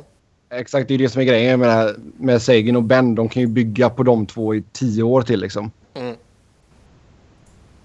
Så det... Nej. Sagan hade inte gett upp för Henke. Däremot så behöver Dallas en ordentlig första målvakt. Det är, är ju glasklart. Jo. De behöver en första målvakt bara. Räcker nog bra också. Ja. Nu sitter de på två jättedyra backuper. Mm. Så- Samtidigt känns det konstigt att... Jag menar, bägge två har ändå varit första målvakter. Ja, grejen att jag, Eh, jag kommer ihåg när vi pratade om det när de, när de plockade in Niemi och signade upp honom inför säsongen. Så- Så kommer jag ihåg att vi Så- pratade om att det här var jävligt intressant sits och det kan ju bli skitbra. Mm. Ja, men liksom så här, åtminstone en av dem måste ju kliva fram. Ja. Ja. Eh, Och jag tycker väl fortfarande inte att man liksom kan utesluta att det kommer ske kommande säsong. nej, men det känns det så här, samma sak. Så åtminstone en av dem borde ju studsa tillbaka. Ja. Ja, men alltså det kan vara... Alltså, jag menar, Lehtonen har ju haft så jävla mycket skadeproblem under åren. Det kan vara kroppen är slut helt enkelt. Ljumskarna håller inte längre. Jo, givetvis. Så det är... Nej, det är en konstig sits de är i där. Vi får väl se ifall eh, de eh, kan bli av med en målvakt via en expansionsdraft kanske. Kanske. Fast det är klart det kanske finns bättre val att ta där än uh, Niemi eller Lehtonen. Ja, den här expansionsdraften kommer inte vara någon så här uh, papperskorg där man bara kan slänga vad man vill. Det- Nej. Nej, och sen det beror väl på om det blir ett eller två lag också liksom. Lutar väl Ja. mest åt att det bara blir Vegas just nu. Mm. Mm, nej, så det var det. Sen ska vi se. Det är Era väl trist med en expansionsdraft när det bara är ett lag som sitter där. Ja, alltså det är roligare med två. Absolut. Ja, så att de är... Fast det samtidigt så- här, vilka ska man ta? Kommer de ta den? Liksom, ja. Samtidigt så tror jag att det är ju nog bättre för laget som kommer... Alltså, det är självklart bättre för det laget som kommer in själv då. Säg att det blir Vegas. De har ju mer att välja på liksom. De kommer bli slagkraftigare. Ja, det är klart att säger det sig självt. Ja. Um, men det är klart att det inte blir lika roligt för lagen som blir- vill bli av med lite spelare. Mm. Eh, och för oss som ska sitta och spekulera om detta också. Eh, sen ska vi se här. Era åsikter om att Mårts inte ens frågar NHL-spelare som Larsson och Josefsson om VM. Istället tar han ut Rosén och Sjögren. Skillnaden med Grönborg? Frågetecken. Tar han hellre ut sämre inom situationstecken NHL-spelare än så kallade SHL-stjärnor? Alltså grejen är att jag, jag har full respekt för att man till hockey-VM plockar med eh, de här spelarna som har varit med i Kajala och Oddset One Cup och allt vad fan det heter nu för tiden. Liksom. För det är ju enda sättet du kan motivera dem till att spela de här meningslösa träningsturneringarna under säsongen här hemma. Mm. Så någonstans tror jag att man måste avsätta platser i en VM-trupp för sådana. Och då kanske det inte räcker med en forward och en back. Nej. Utan man kanske måste liksom, ta några till. Så det har jag full respekt för. Då kanske man eh, någon säsong kommer behöva nobba NHL-spelare som i grunden förmodligen är bättre spelare. Eh, men det var inte riktigt den sitsen vi var i denna säsongen. Nej. Utan- Men sen alltså frågan är alltså hur många... så- Alltså jag har ju helt tappat intresset för alla de eh, landslagsturneringar som pågår under säsong. Har du någonsin haft ett intresse? Ja, när man var mindre tyckte man alltid det var roligt att titta på landslaget oavsett Nej, det, var ju, det, var, det var ju inte ens det då. Ja, jag tyckte det i alla Det var fall. ju såhär, vad fan är Foppa? Vem fan är Jörgen Jönsson liksom? Nej, Jo. Jör, Jörgen är trevlig. Ehm, Nej. men alltså vad har du nu? Du, som du sa, Karjala kommer ju alltid ihåg. Men liksom... Jag vet, jag vet, sådana inte, jag vet inte vad det heter. Men det är tre eller fyra stycken. Och de är så jävla små. ointressanta. Jag kan ju inte ens motivera mig själv till att titta på dem. Och det är ju typ samma tråkiga jävla spelare som är med mm, liksom match efter match efter match. Mm. Men eh, liksom, Men tror jag att Grönborg kommer att eh, ta ut sämre NHL-spelare eller kommer han fortsätta att plocka NHL, eh, SHL-stjärnor? alltså jag har alltid fått intrycket av att Grönborg har eh, liksom en större Alltså följer NHL på ett sätt som Pelle Mårts inte har gjort med tanke på att Grönborg har bott där borta och vad jag har förstått fortfarande bor där. Alltså, Eh, vart bor han? Ja, i Nordamerika någonstans. Han har ju familj och grejer där. Eh, men liksom Pelle Mårts, han börjar ju jiddra om att han inte ens följer ligan för att eh, matcherna börjar för sent liksom. Och, eh, som vi sa tidigare, en massa konstiga uttalanden och sådana där saker. Men att man liksom... Att man skulle föredra en spelare som är liksom hygglig, om man säger så, i SHL eller Schweiz eller KHL liksom före en pålitlig spelare i NHL tycker jag ju är felaktigt. Framförallt när de kommer till, till förutsättningar som var detta mästerskapet. Så jag, ja, nej. Jag tycker man gjorde fel. Men det har jag väl redan sagt några gånger. Mm.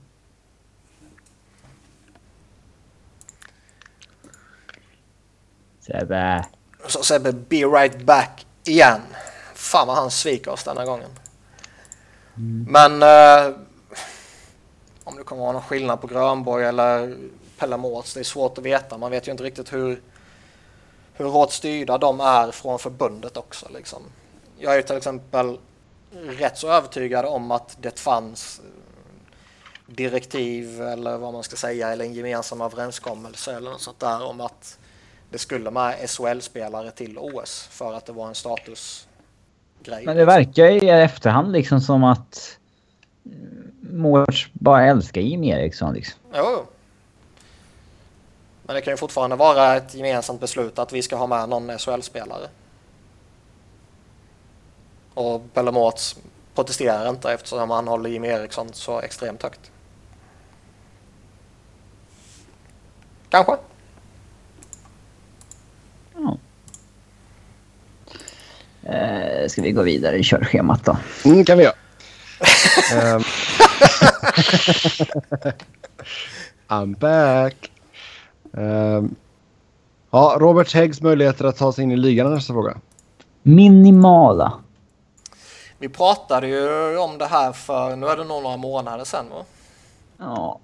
Ja. Det är få AHL prospects vi har liksom återkopplat till så mycket dock. Som Robert Hägg.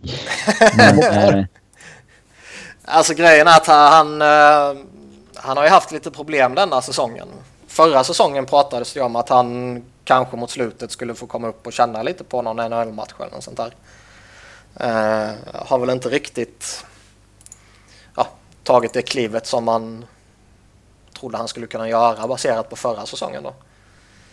Eh, plus att han har ju fått lite eh, konkurrens på eh, ja, Flyers depth chart helt enkelt. Dels har de ju haft väldigt många spelare uppe i NHL som liksom, ja de måste vara i NHL. Eh, och dels är det ju lite prospect som har kommit före honom.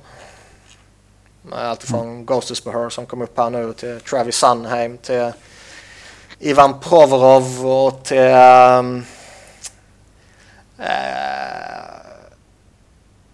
ja, vad heter han? Jag tappar alltid namnet på honom. Då måste jag fuska här. Samuel Moran. Nej, det var inte han med. Phil Myers. En snubbe som han signade och draftade som är ett dundersuccé denna säsongen. Och sen Sam Moran givetvis också då. Så han har ju eh, tappat av lite. Så jag, jag tror att förutsättning, eller liksom möjligheten att Robert Hägg blir en NHL-back har nog minskat väldigt mycket. Mm. Ja, sen har vi fått ett påstående här då. Um, Okej. Okay. Vem skulle vi helst sätta på isen? Det är en minut kvar. Du har ett målsledning, egen zonstart. Hjalmarsson eller Karlsson på isen? Hjalmarsson. Hjalmarsson. Det beror på om jag vinner tekningen eller inte. Ja, det, är inte, ja. det är inte förnuft som tekar. Nej, det inte förnuft som tekar, exakt. Han behöver inte ta den. Uh, nej, men jag menar skulle jag vinna teckningen så Erik Karlsson, skulle jag förlora teckningen så Hjalmarsson. Och om jag inte vet det, vilket jag väldigt sällan vet på förhand, så uh, skulle jag förmodligen fega och safea och köra Hjalmarsson. Mm. Det är ju öppen kassa också. Nej, men jag menar vin, vinner du tekningen och pucken hamnar på Hjalmarssons klubba eller Erik Karlssons klubba så är det ju en jätteskillnad. Och torskar du tekningen så är det ju en rätt stor skillnad på Hjalmarsson eller Karlsson också. Mm. Ja. ja. Nästa fråga då. Vilka spelare har varit sämst i de kvarvarande lagen i slutspelet?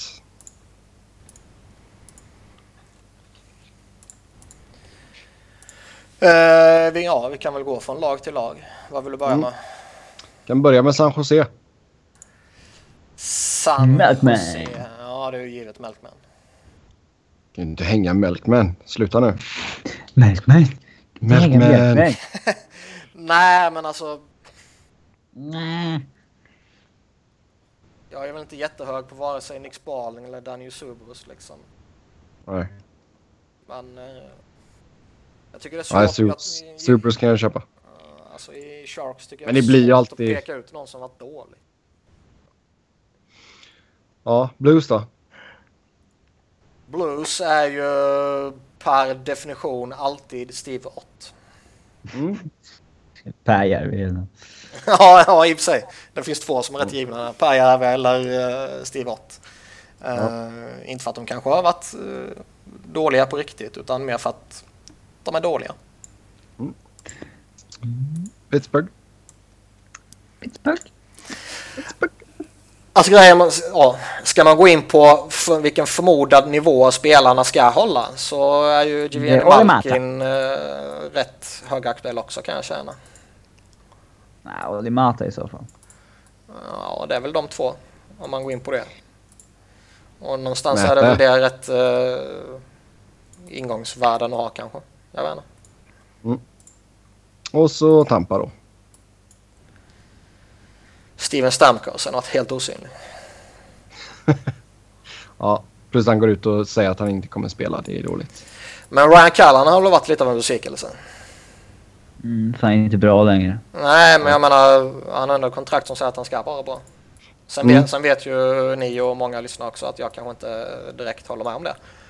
Men uh, sett till liksom vilket rykte han har och vilket kontrakt han har så är väl han rätt högaktuell. Mm.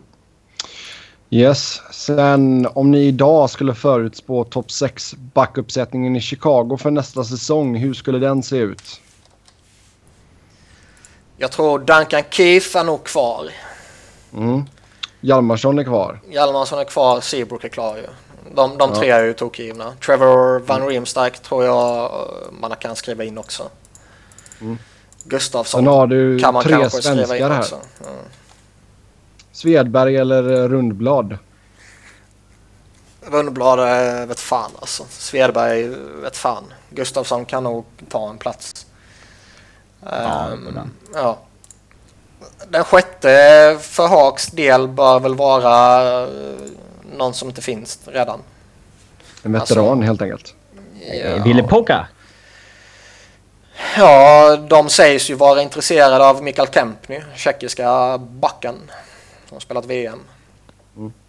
Det kan ju vara han de tar en, eh, en chansning på. Eller någon veteran man signar från Free Agency eller något trade eller något sånt där. Ville Poka spelar ju faktiskt VM för Finland nu och har spelat två fulla säsonger i deras AHL-lag och gjort öst in poäng från position.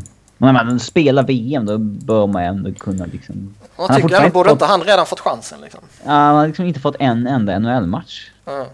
Det är det jag Mm, menar. helt- När de har haft så jäkla tunt bakom deras toppbackar. Ja. Liksom har testat allt möjligt. Eh, har inte varit uppkallad en enda gång liksom. Christian Ehrhoff så- släpper så. dem nog.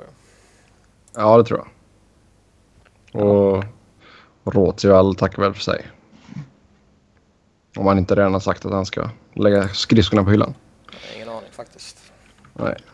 Um, ja, så ser vi på det. Nu ska vi eh, prata New Jersey Devils. Hur ser. Devils framtid ut på kort sikt? Uh, slutspelsprocentchanser nästa säsong Noll! Samt, samt långt sikt, säg 3 till 5 år. Noll nästa säsong säger du alltså? Nej, det kan man ju aldrig säga. Ehm, ja. Risken att de missar slutspel är väl större än chansen att de tar sig till slutspel. Mm.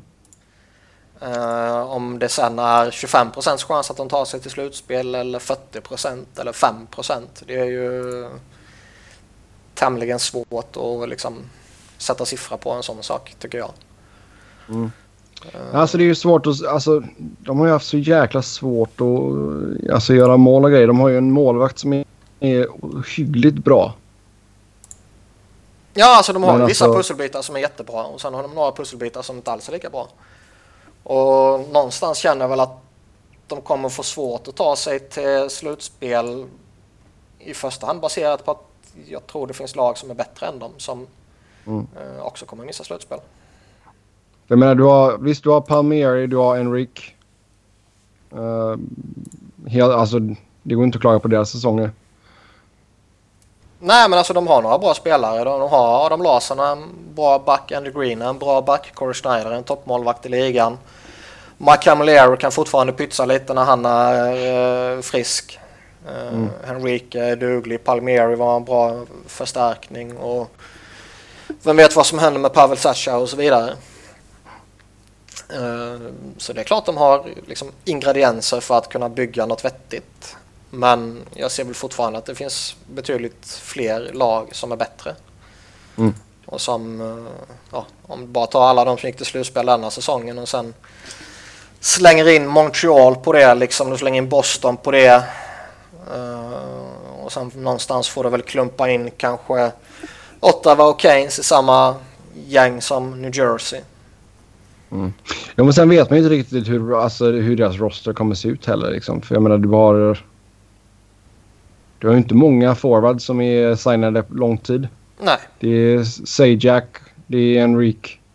sen är det, Det är, är det väl inte, jag, jag tror inte direkt att de kommer göra någon, vet, skaka om så värst mycket i sommaren och byta ut jättemycket kanske. Camilleri är kvar ett tag också. Mm. Ja, jag, ja, jag, jag tror de får svårt. Mm. Sen vet jag inte riktigt hur deras... eh, jag kan inte säga att jag har följt Albany, Albany Devils uh, så jättenoga. Nej, fan inte följer andra lags AHL-lag. Ja, ja nej, vi får se. Uh, långt sikt. 3 till 5 år.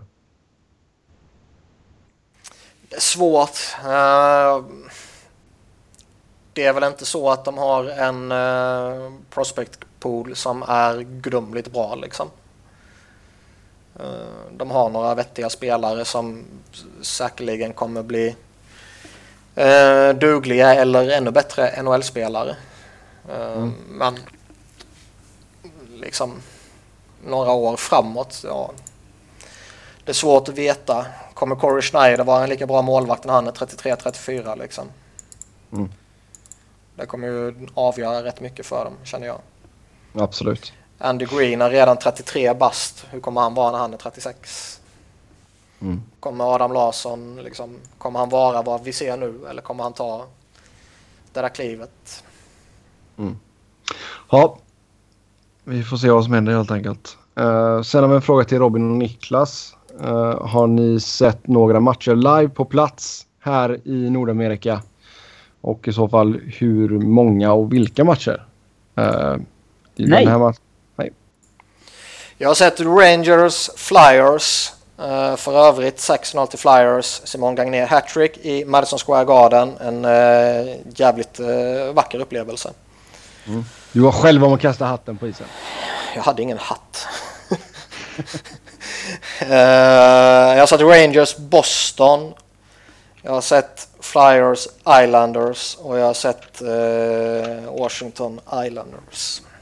Mm. Så du är egentligen sån smygfan av New York-lagen? Eh. Jag, ja, jag, var ju, jag åkte ju på Islanders bortaturné där när de var i Flyers, eller Philly och Washington. Så, ja. mm. John Tavares Tour. Ja, eller hur. Eh, jag kan med glädje säga att alla Islanders-matcher jag har sett på plats så har Islanders förlorat. ja, det är bra. Uh, uh, ja. Ja, ja. Jag har sett många matcher. Ja, det skulle jag förmodligen också gjort om jag skulle bo i Nordamerika. Exakt, så det är ingenting vi behöver gå in, gå in på där. Jag har sett uh, Jaromir Jagr live. Det, det, är stort. Ja, det har jag också gjort. Ja. Uh, Sen historien... har man ju sett en del av de här uh, premiärmatcherna i Stockholm, om de räknas. Nej, det är ju inte over there som frågan ställde. Nej, men det är ju ändå, det var ju riktiga NHL-matcher. Absolut. Jippo. Ja, absolut. Jippo-matcher. Absolut. Och, och, det var inte direkt så att det var någon mega-underhållning alla gånger, men... Nej, men ändå. Ja. Mm. Uh, sen historien bakom er trio, uh, hur vi började supporta våra respektive lag. Eh, jag har redan dratt min historia. Jag hade faktiskt inte läst den här frågan innan. Men ja, nej, det var farsan. Jag var inte med med det. Var en jävligt snygg keps.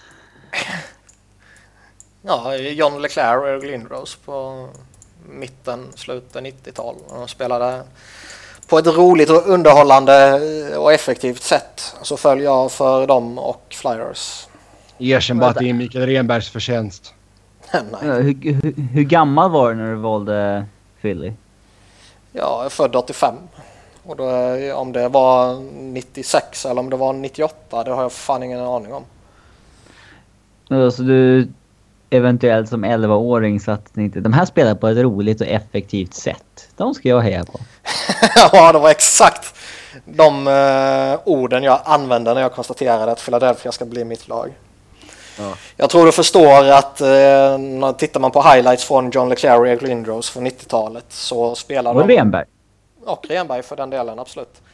Mm. Men så, så spelar de ju på ett sätt som var jävligt ögonfallande och väldigt eh, skoj att se på. Och effektivt. Ja. Mm. Mm, eh, jag eh, hade en... Eh, när jag var 11, precis som Niklas var när han föll för Flyers effektiva hockey. Så, så hade jag någon så här årskrönika eller någonting med eh, Colorados eh, Stanley Cup-seger från 01.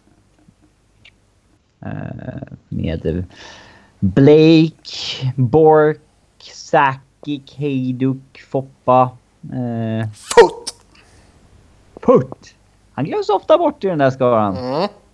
Och, han, var fan, uh, han var fan bra när han var uh, som bästa. Paddy Wah. Uh, ja, det... Sanne Lindström var ju en Avs prospect vid den tiden. Uh, så han var ju i Colorado och, typ så här, tränade, eller man ska säga, då. Han sa att eh, alltså Adam Foot var ju hans idol och när man såg honom där inför de slutspelsmatcherna. Så bägge axlarna var ju led på honom för han kunde liksom inte lyfta armarna över eh, ja, lyfta upp armarna liksom. Men liksom... Han bara körde som en dåre ändå liksom. Eh, det var... Det där är en typisk spelare som... Eh, som man vinner med. ja, men som, som eh, kör sönder kroppen och liksom tvingas lära sig spela med en trasig kropp sen. Eh, han var ju rätt klappkass i historien men... Ja. Ja, det var ju slut liksom. Mm. Japp, det var det då. Uh, Sen eh, har det funnits någon framgångsrik icke-nordamerikan som varit huvudtränare i NHL från 90-talet och framåt? Om ja, vem vilka? Vi har ju Ivan Hlinka i Pittsburgh. Han gjorde ju eh, en säsong, 00-01. Samma säsong som Marie Lemieux gjorde comeback. Och de gick ju hela vägen till konferensfinal. Och sen fick han sparken fyra matcher in på säsongen 01-02. Mm. Samma säsong var ju Alpo Suhonen i Chicago. Och de här två var ju typ de första européerna på 50 år eller någonting. Eh, det fanns ju någon spelare som var coach i Canadiens på 40-talet någonting när de eh, ja, härjade. Men det, om jag har fattat saken rätt så råder det väl tveksamheter till om han ska klassas som kanadick eller som ryss typ. Ja. Jag kommer inte ihåg vad han hette ens. Mm. Men det är ju lite fascinerande att det faktiskt aldrig har varit eh, någon framgångsrik europeisk coach. Ja, det är sant. Ja, vi hade ju Ralf Kryger i Edmonton för ett år sedan. Eller på... Ja, men han räknas som kanadensare. Ja, när flyttade han från Kanada egentligen? Han är född i Kanada men han är liksom inte... Jag vet inte. Jag säker på att han klassas som eh, kanadensare. Ja. Go fucking Ska jag även- ska även tillägga att Barry Melrose var tränare för Kings när jag började hålla, hålla på dem. Eh, Det är det. Nej, men det, det är ju jävligt fascinerande att det inte är någon europeisk tränare som ja, typ inte ens fått chansen, men som liksom inte gjort avtryck. Vänta bara. Mort sitter och väntar på tele vid telefonen nu. Men han ska ju ta crowns. Eh, om inte Bengt-Åke tackar nej. Ja. Eller tackar. Det är, det är ju i Sverige. Han skulle aldrig träna något lag i Sverige. Men det är ju ändå lite, alltså, alltså inte ens någon av de här liksom gamla stora spelarna har... ja, men som eh, blir kvar där borta. Nej. Ja. Man tycker ju liksom att eh, det hade inte varit jättekonstigt ifall... Ja, vad fan ska vi ta? Fedorov hade varit coach i NHL. Eller någon så här... Någon de riktigt respekterade Pavel Bure eller någon sån här skit. Larionov. Det var ju snack om att Larionov fick erbjudande att ta över Sharks för uh, några år sedan. Mm. Men att han avböjde. Fedorov sa att han nobbat någonting också va? Ja, Det var det har jag inte koll på. Nej. Nej, för alltså just nu så... Jag vet inte alltså vem som ska, ens skulle bli... Alltså är det typ Ulf Samuelsson eller liksom vem, vem ligger bäst till? Ja, inte för att bli en framgångsrik coach i alla fall. Ja, alltså jag, har väl, jag ska väl lite erkänna att jag inte på rak arm kan rabbla alla som är assisterande coacher. Men eh, Nej. det är väl en sån som ligger närmst till hand känns det som. ja. Ja. Yes. Vi hoppar vidare. Eh, Skulle ni vilja se era respektive lag gå efter Stamkos i sommar och vad skulle ni i så fall vilja betala Stamkos? Kings kan vi ju utesluta för de har inte pengarna. Så Jag sätter pengarna heller. det finns liksom inget scenario där Stamkos skulle kunna gå till Kings. Nej, jag det är alltså pengarna. inget troligt scenario i alla fall. Vad, eh, jag, jag hörde inte vad du sa. Jag satt och läste en grej. Ah, Okej, ja, om, du, om Philly skulle gå efter Stamkos. Ja, jag, jag, vet, jag vet ju vad frågan är, Ja. men vad du sa. Nej, jag Att säger Kings hittar pengar. det går inte att få in honom i Kings. Ja, och sen sa du något efter det. Ja. Nej, Alltså, det inte, finns inget troligt scenario i alla fall. Jaha, Nej. ja.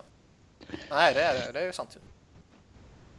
Eh, Jag har väl svårt att hitta ett jättetroligt scenario i Flyers också.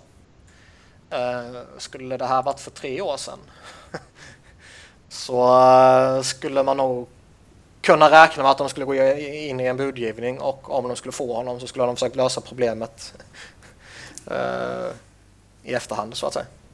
ja. Men eh, om- man liksom ja, leker med tanken att det finns ett utrymme och det finns en vilja Ja. Så, Eh, bör väl alla vara egentligen intresserade av Steven Stamkos. Jo, men jag skulle inte vilja ge honom 10 miljoner. Nej, alltså vi har ju pratat om det här tidigare och eh,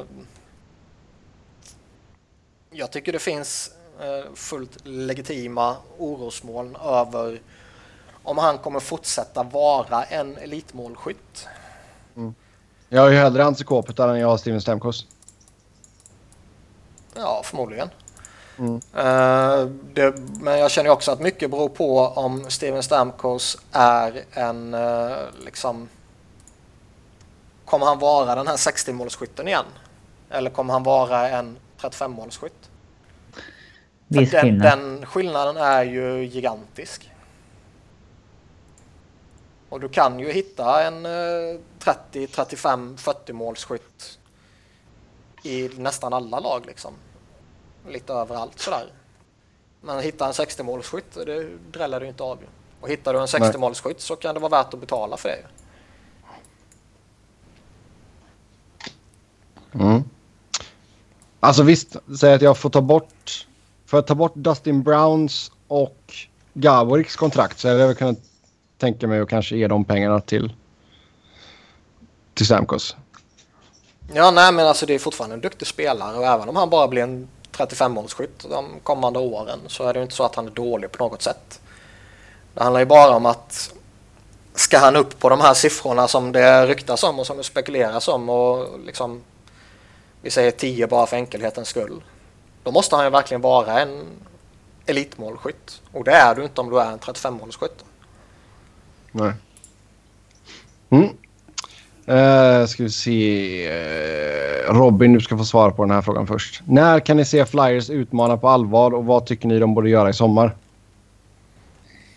Eh, I sommar... Jag vet inte på rak arm. Eh, Celtic har eh, presenterat Brendan Rodgers som ny manager. Ja, alla Celtic-fans jublar som fan. Eh, Skulle varit Henke. nej. Nej, men, det- nej, det blir intressant för Ja.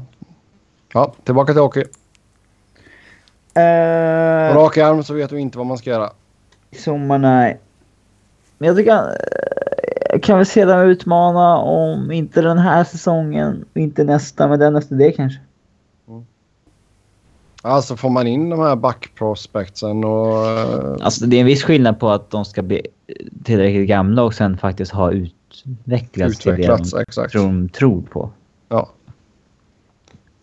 Men jag menar, fortsätter uh, Ghosts Bear på den här inslagna banan så har de ju en... eh, en kille som kommer vara med i Norris-snacket här snart. Så Ja, det ska han ju vara redan denna säsongen. det är ju någonting jävligt bra att bygga på, absolut. Sen kan du på något sätt bli av med Andrew McDonald i sommar så Ja, men- har du mycket vunnet. Men det sker ju inte. Gre- Grejen är att jag, jag håller med i det Robin säger att eh, om två, tre år. ehm, man behöver ju slussa in de här backarna liksom och det är inte så att alla unga och liksom en Travis Connectney också för den delen då. Liksom. Det är inte så att alla de här unga kommer gå in och alla fyra kommer göra eh, en dundersuccé och sen ligga på den nivån och förbättra sig bara smack, smack, smack liksom. Eh, Det vore väl inte på något sätt chockerande om Ghosts Behörs kommande säsong eh, kanske ett litet steg tillbaka liksom. Sophomore slump. Ja. Och liksom sånt händer och bara för att Ivan Provorov gör dundersuccé just nu och kommer bli jättebra så småningom så innebär ju inte det att han är det direkt. Nej. Alltså det är skillnad på att få fram att alla de här ska bli bra NHL-spelare och att de ska bli så pass bra att man har en defensiv core som kommer bära Flyers till kuppen. Ja. Det är ju en jätte, det är ett jättesteg liksom. Oh, ja. Ja, det är sant. Men alltså Niklas, angående McDonald. Alltså om man retainar halva hans cap. Det är ett långt kontrakt alltså. Det är Ja, ett jag långt, alltså, men- grejen, att jag, jag känner, grejen med McDonald är att visst han var nere i AHL denna säsongen men det var ju mest för att det var liksom lite man var tvungen att lösa kappsituationen och han var typ det enda logiska alternativet att skicka ner. Mm. Ehm, om man bara bortser från hans lön för två sekunder Och gap control. så är han ju fortfarande liksom en NHL-värdig back. Det är inte så att han, liksom, folk, vissa vill ju få det till att framstå som att han inte hör hemma i NHL. Men så är ju inte fallet. Han är ju fortfarande en OK-back för ett tredje par liksom. ja, men det är på gränsen. Ja, jo, jo, men det är inte så att liksom, det är tokgivet att han aldrig mer ska vistas i NHL som folk vill få det till. Utan Jag tycker fortfarande han han liksom ja, okej okay, back för tredje par. Och, jo, han är ju inte Nikita Nikitin liksom. Nej, och, och liksom... Han tar han som exempel på värsta man kan tänka sig. Ja. Men, men, men han är på min shitlist.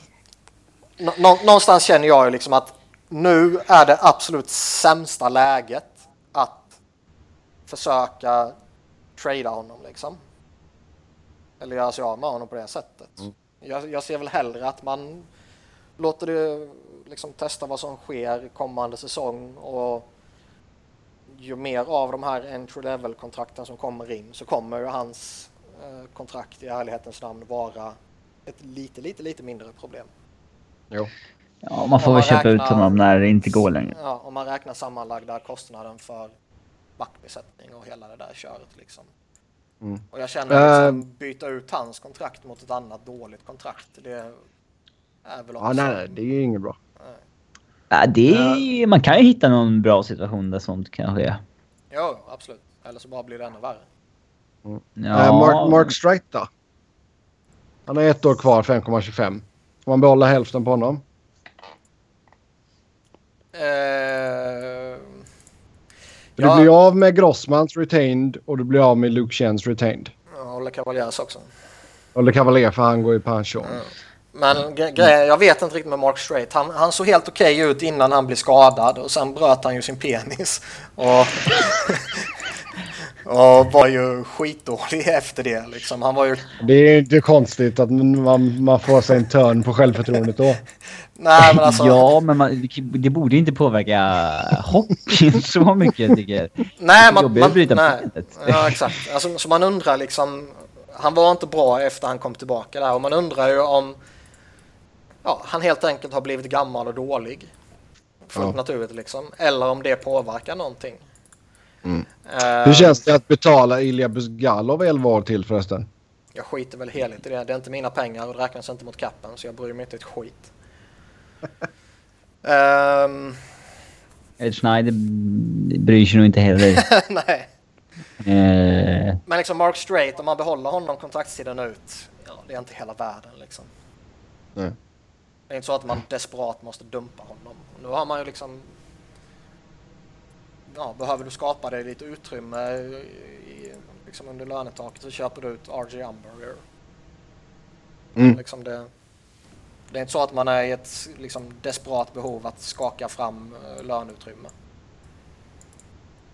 Vilket man har varit lite tidigare år. Utan nu börjar Hextall få, få ordning på grejerna.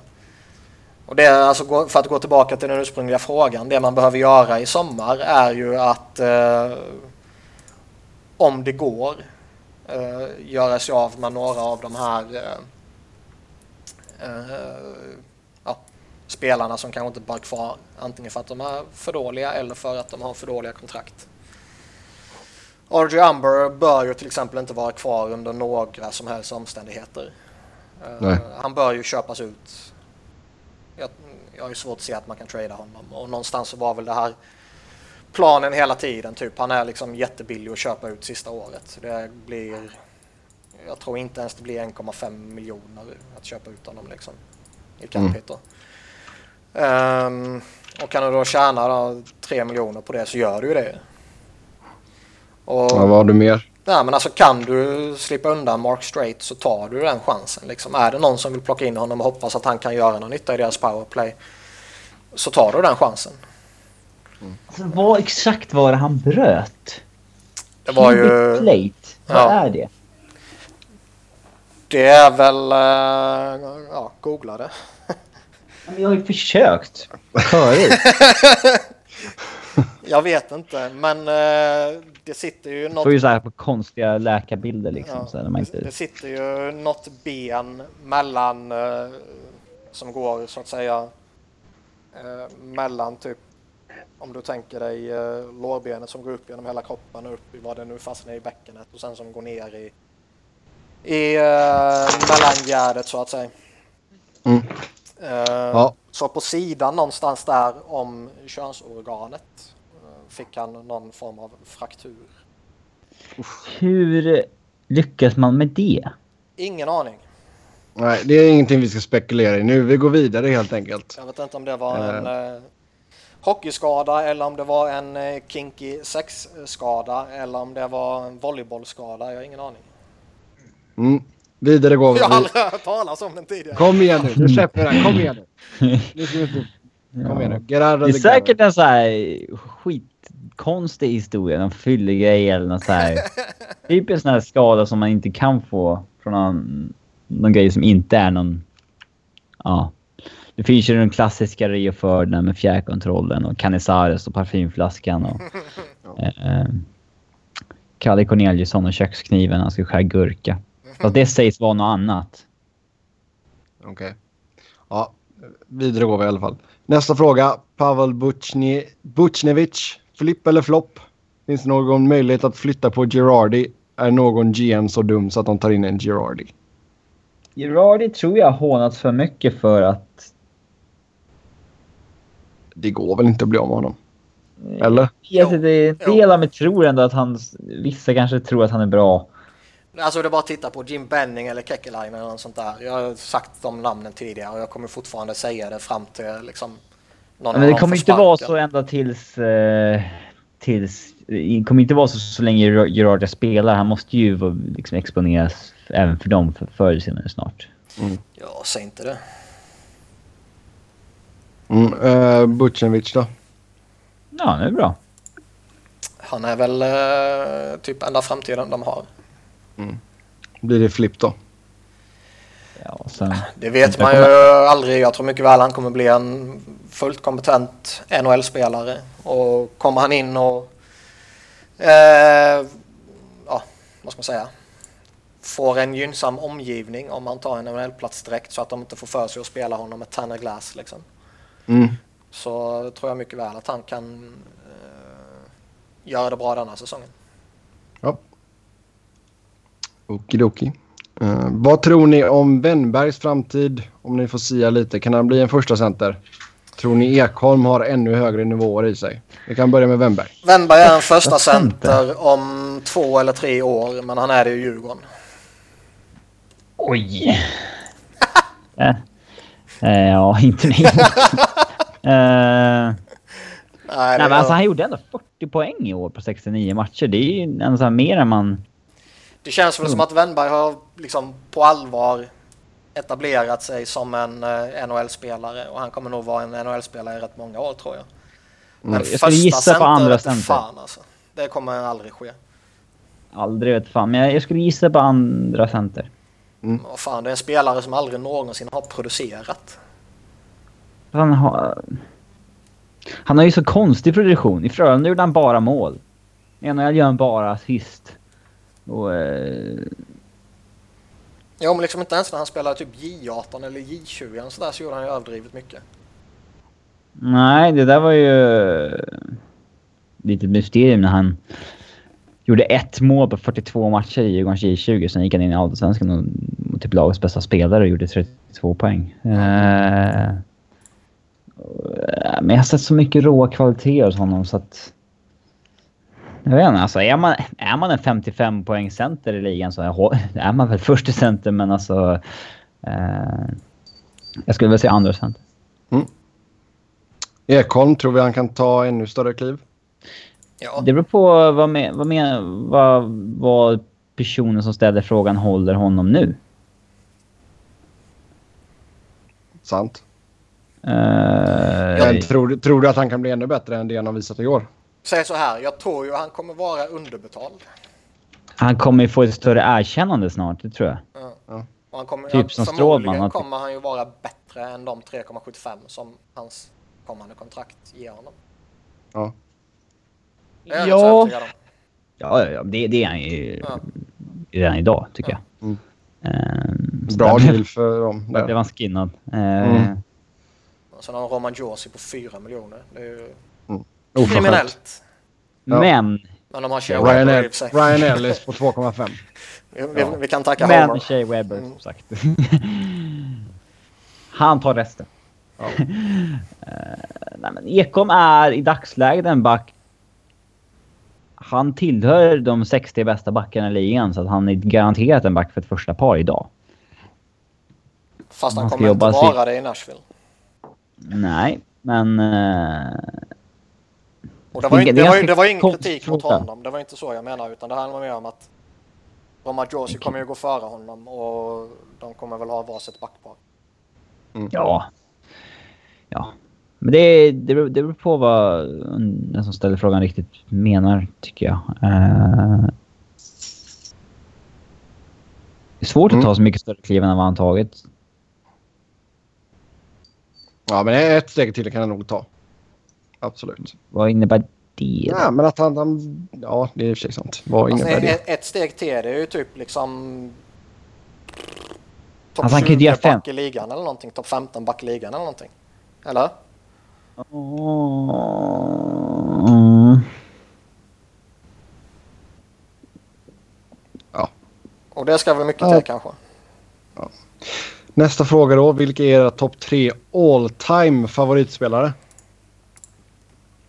Eh, Peter Forsberg. Alexander Ovechkin. Eh, jag vet inte. Eh, Peter Forsberg, Wayne Gretzky, Luke Robitaille. Jonathan Quick. Eh, jag har ju John Leclerc och Eric Lindros som tokgiven etta respektive tvåa. Ehm, Tre. Renberg. trean är svår. Det är inte Micke Renberg. Uh, Är det Timonen? grejen är att det är väl Gagné, Timonen, Keith Primore.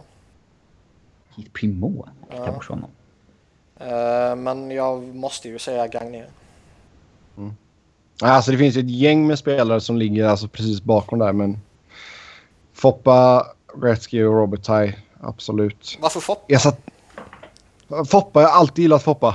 Jag frågar mig inte varför. Alltså, Jo riktigt. men Alltså, all, just- alla gillar väl? Foppa men liksom... Ja, men alltså glöden som han visar i... Alltså jag tror glöden han visar i SM-finalen där han blev så jävla förbannad. Och sen OS-insatsen sitter ju självklart liksom på näthinnan för det är ett av mina Ja, första alltså- hockeyminnen liksom. Jag vill ju inte som, som Robin kanske tolkar det som. Jag vill ju inte ifrågasätta valet som Foppa. Alltså, eller hans Ja. kompetens liksom. Men... eh, ja, han har ju varken Ja. spelat i Frölunda eller LA.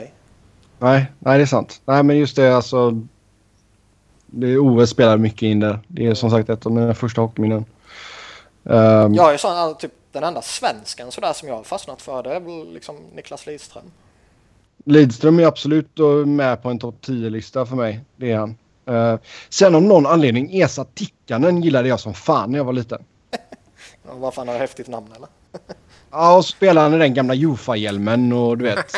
Det, det var, han var för jävla cool. Ehm, Craig McTavish tyckte man var lite fräck också i och med att han var en av de sista utan hjälm. Ja, var ju bara dum i huvudet för. alltså, Eh, jo men alltså när man var, alltså då snackar vi när man var typ 10 bast liksom eller mindre. Ja. Uh, Då såg man såhär, fan vad cool han är som åker utan hjälm va. Jag tänker fan Exakt. inte ha cykelhjälm på mig heller liksom. Och så exakt. åker man ut och ramlar och så... Ja. Ehm, nej och liksom du har Mike Richter tyckte jag var jävligt fräck också. Uh, Hur gammal är du egentligen? 31. Eh, det var ju Ja, man får ju inte favoriter på samma sätt längre. hockeykortens heyday när man var uh, liten där, mitten av 90-talet. Men man, man får ju inte favoriter på samma sätt som när man börjar bli äldre. Nej, det är ju de man växte upp med som är ens favoriter liksom. Ja. Thomas Sandström gillade jag mycket också. Tyckte det var väldigt, tråk väldigt tråkigt när han blev traded. Förstod folk i Sverige hur fult han spelade? Nej, det tror jag inte. Nice. Av någon nej, jävla och- anledning så fastnade jag stenhårt för Trent Klatt. Varför då? Jag vet inte, men han var ju i Flyers där när liksom slutet av 90-talet. Mm. Han, är ju- han var inte dålig liksom. Han hade ju någon säsong där han gjorde många mål liksom. Mm. Men eh, han gjorde ju bara typ tre säsonger eller något i Flyers. Fyra kanske. Eller fem, Ja. något sånt där. Och sen gick det till Vancouver och lite sånt där. Och han var ju tämligen oduglig egentligen. Om man ser i det stora hela. Men han var ändå en liksom, hygglig sån här gnuggare på något sätt. Jag, jag, jag kan Ja. inte förklara varför jag gillar honom. Men det är inte så att han var liksom en all time favoritspelare. Eller ens i närheten. Men sådär du vet, ibland bara faller man för någon konstig jävla spelare. Jare Kurri gillar jag mycket också. Nej, men nu börjar du bli alldeles för gammal. Dog var ju Wait var en sån där favoritspelare jag hade någon jävla anledning också. Wait ja. ja. Steve Ruckin, eller hette han? Rushin? Hur skulle han uttalas? Ingen aning faktiskt. Men det var också, alltså båda, båda de två var ju sådana här spelare som du kunde byta till dig hur enkelt som helst på tv-spelen. ja. Och så var de Eh, grymma liksom. Jeremy Roenick gillade man ju också. Ja, det är klart. Ja, han har ju tyvärr dödat det nu. Jo, Fan vilken Eh, Rob Blake. Ah. När han var i Kings där. Det var ju... Sen blev det ju lite sådana här konstiga spelare som man... Som du sa där då. Eh, Chris Pronger måste man ju nämna också. Vad ja. hade du för favoriter i Växjö när du var liten? När jag var liten fanns det ingen hockey i Växjö. När jag var liten fanns inte Växjö. Eh, när jag följde Växjö lite så för några år sedan så var ju Martin Romer jävligt mäktig. Mannen som spelar med hade du några Frölunda, Frölunda favoriter då? Sebbe? Oj. Ja, alltså... Har du inte märkt det genom åren att varenda spelare som har spelat i Frölunda är hans favorit? Ja men vilka föll han för som barn? I Ja, tidigt du. 90-tal. Ja, jag tänkte säga det. Vad hade du? Eh, Håkan Algotsson. Han var ju en eh, favorit. Det kan man ju lugnt säga. Uh, när fan kom Rutto in? Rutto tyckte man ju var ascool också. Um, kommer liksom inte... Patrik Kahnberg och... Hade du Stark. på den... Har du några minnen från Daniel Alfredsson när han var i Frölunda eller? Nej, det har jag väl inte direkt. Inte sådär som jag bara kan Kommer du inte ihåg lockouten? och säga... Jo, lockouten ja. Men jag menar, om man tänker liksom typ 94-95 liksom. Uh, Marco Jantonen var ju jävligt cool. Uh, Ronny Sundin var ju mäktig. Lars-Göran Wiklander också. Uh, PJ var ju jävligt cool. Hade ju en av hans klubbor när jag var liten. Lars-Göran. Wiklander gick ju till Djurgården sen. Stefan Axelsson, Mikael Andersson, Micke Sandberg. Ja, inte lika mycket som Håkan. Håkan var ju, han var ju coolast. Han har inga knän kvar. Uh, Ersbjö, Ersbjörnsbröderna. Ville Peltonen då? Ja, Pelton. Nej, men liksom det, så det, det har varit lite sådana här coola, coola killar genom åren. Liksom. Men uh, Håkan Algotsson, absolut. Ronny Sundin. Eh, Lars, Lars-Göran Wiklander är på granne med mig nu bara så du vet. Sådär ja. Vill du ha en autograf så kan jag... Ja, det är lugnt. Han gick till Djurgården där 98, 99 och sen så vann han SM-guld med Djurgården 2000. Och då minns jag att hela Djurgårdens lag var här på baksidan och satt och kröka.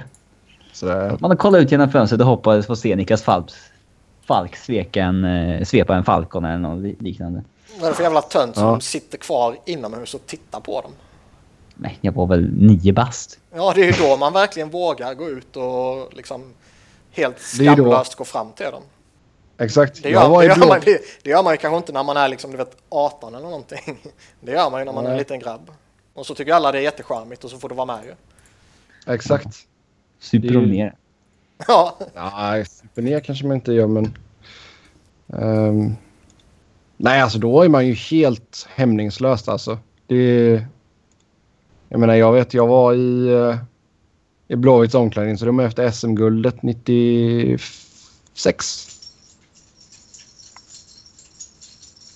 Som 11-åring. Jag bara kliva rätt in. Hallå, hallå. Hallå, hallå, det är jag som är Sebbe. Kom hem med en guldhatt. oj, oj, oj. Ja, visst. Hej, det är jag som är Sebbe. Min farmor och farfar äger kioskerna. Får jag vara med och fira? Ja, visst. Det var inga problem det. Nu ja, det var jävla vilken tangent vi gick av på där. Det var kul. Ehm, vi rundar av där. Vi har fått en annan fråga som vi ska spara för den är ganska saftig. Men den Ja, vi fick, för, vi fick förresten en sen lyssnarfråga som jag glömde eh, nämna. Ja, dunka in den då. Kommer eh, St. Louis eh, förlänga med Hitchcock oavsett hur det går nu? Och har, vi någon, Ja. har vi någon lämplig ersättare om han lämnar? Oj. Ersättare vet jag inte, men De borde de, förlänga. De borde förlänga. Men frågan är, vill han? Ja, det tror jag. Han vill väl. Alltså... Det här drömscenariot att han skulle säga nej när han väl vill förlänga långt. Ja, exakt. det, det är ändå så här drömscenariot tror jag. Han vill väl ändå ha jobb liksom där. Mm. Den grundar sig inte i något troligt. Det är bara att man hoppas att han säger nej när han väl vill. Exakt. Exakt. Ja, nej, vi tror väl att han stannar då, helt enkelt. Med det så... Alltså, nu, den.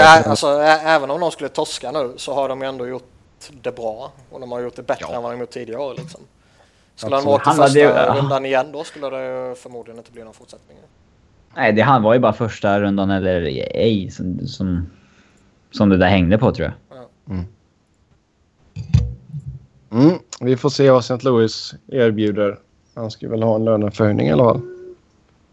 Ja, det, jag vet inte vad han tjänar nu. Så att, Det känns väl som att hela... Alltså efter Babcock-kontraktet så har ju allting höjts. ja. Vilket är... Ja. Det är väl helt okej. Mm. Kan jag väl känna. ja. Med det så säger vi tack och hej. Som vanligt så kan ni följa oss på Twitter. Mig hittar ni på @sebnoren. Niklas hittar ni på Niklas Wiberg med C och enkel V. Och Robin hittar ni på R underscore Fredriksson. Har det blivit några bra eh, mat-Instagram den senaste veckan, Robin? Är det någon som har fått otroligt många likes? Nej, men jag fick en kommentar på ett klipp som var så här. Från mshop.se hette kontot. Så var det bara en blinkande smiley. Sen när jag gick in på mshop.se så är det en sexleksakshemsida. Sådär ja. Eh, Mat, matporr tyckte de att det var. ja. Var det på en Billys eller? M-shop has shared beds with over one million people. Sådär ja. Ekologiska massageoljor. Det är viktigt. Bra grejer. Ja, med det så säger vi tack och hej i alla fall. ja. Eh, det kanske är någonting som, uh, som Strite har använt. Eh, Smärta vid samlag? Frågetecken. Så är det en bild på en kaktus. Ja, nej. uh, uh. Ja, Okej, okej. Tack och hej. Tack för att ni lyssnade. Vi hörs igen nästa vecka. Hej, hej.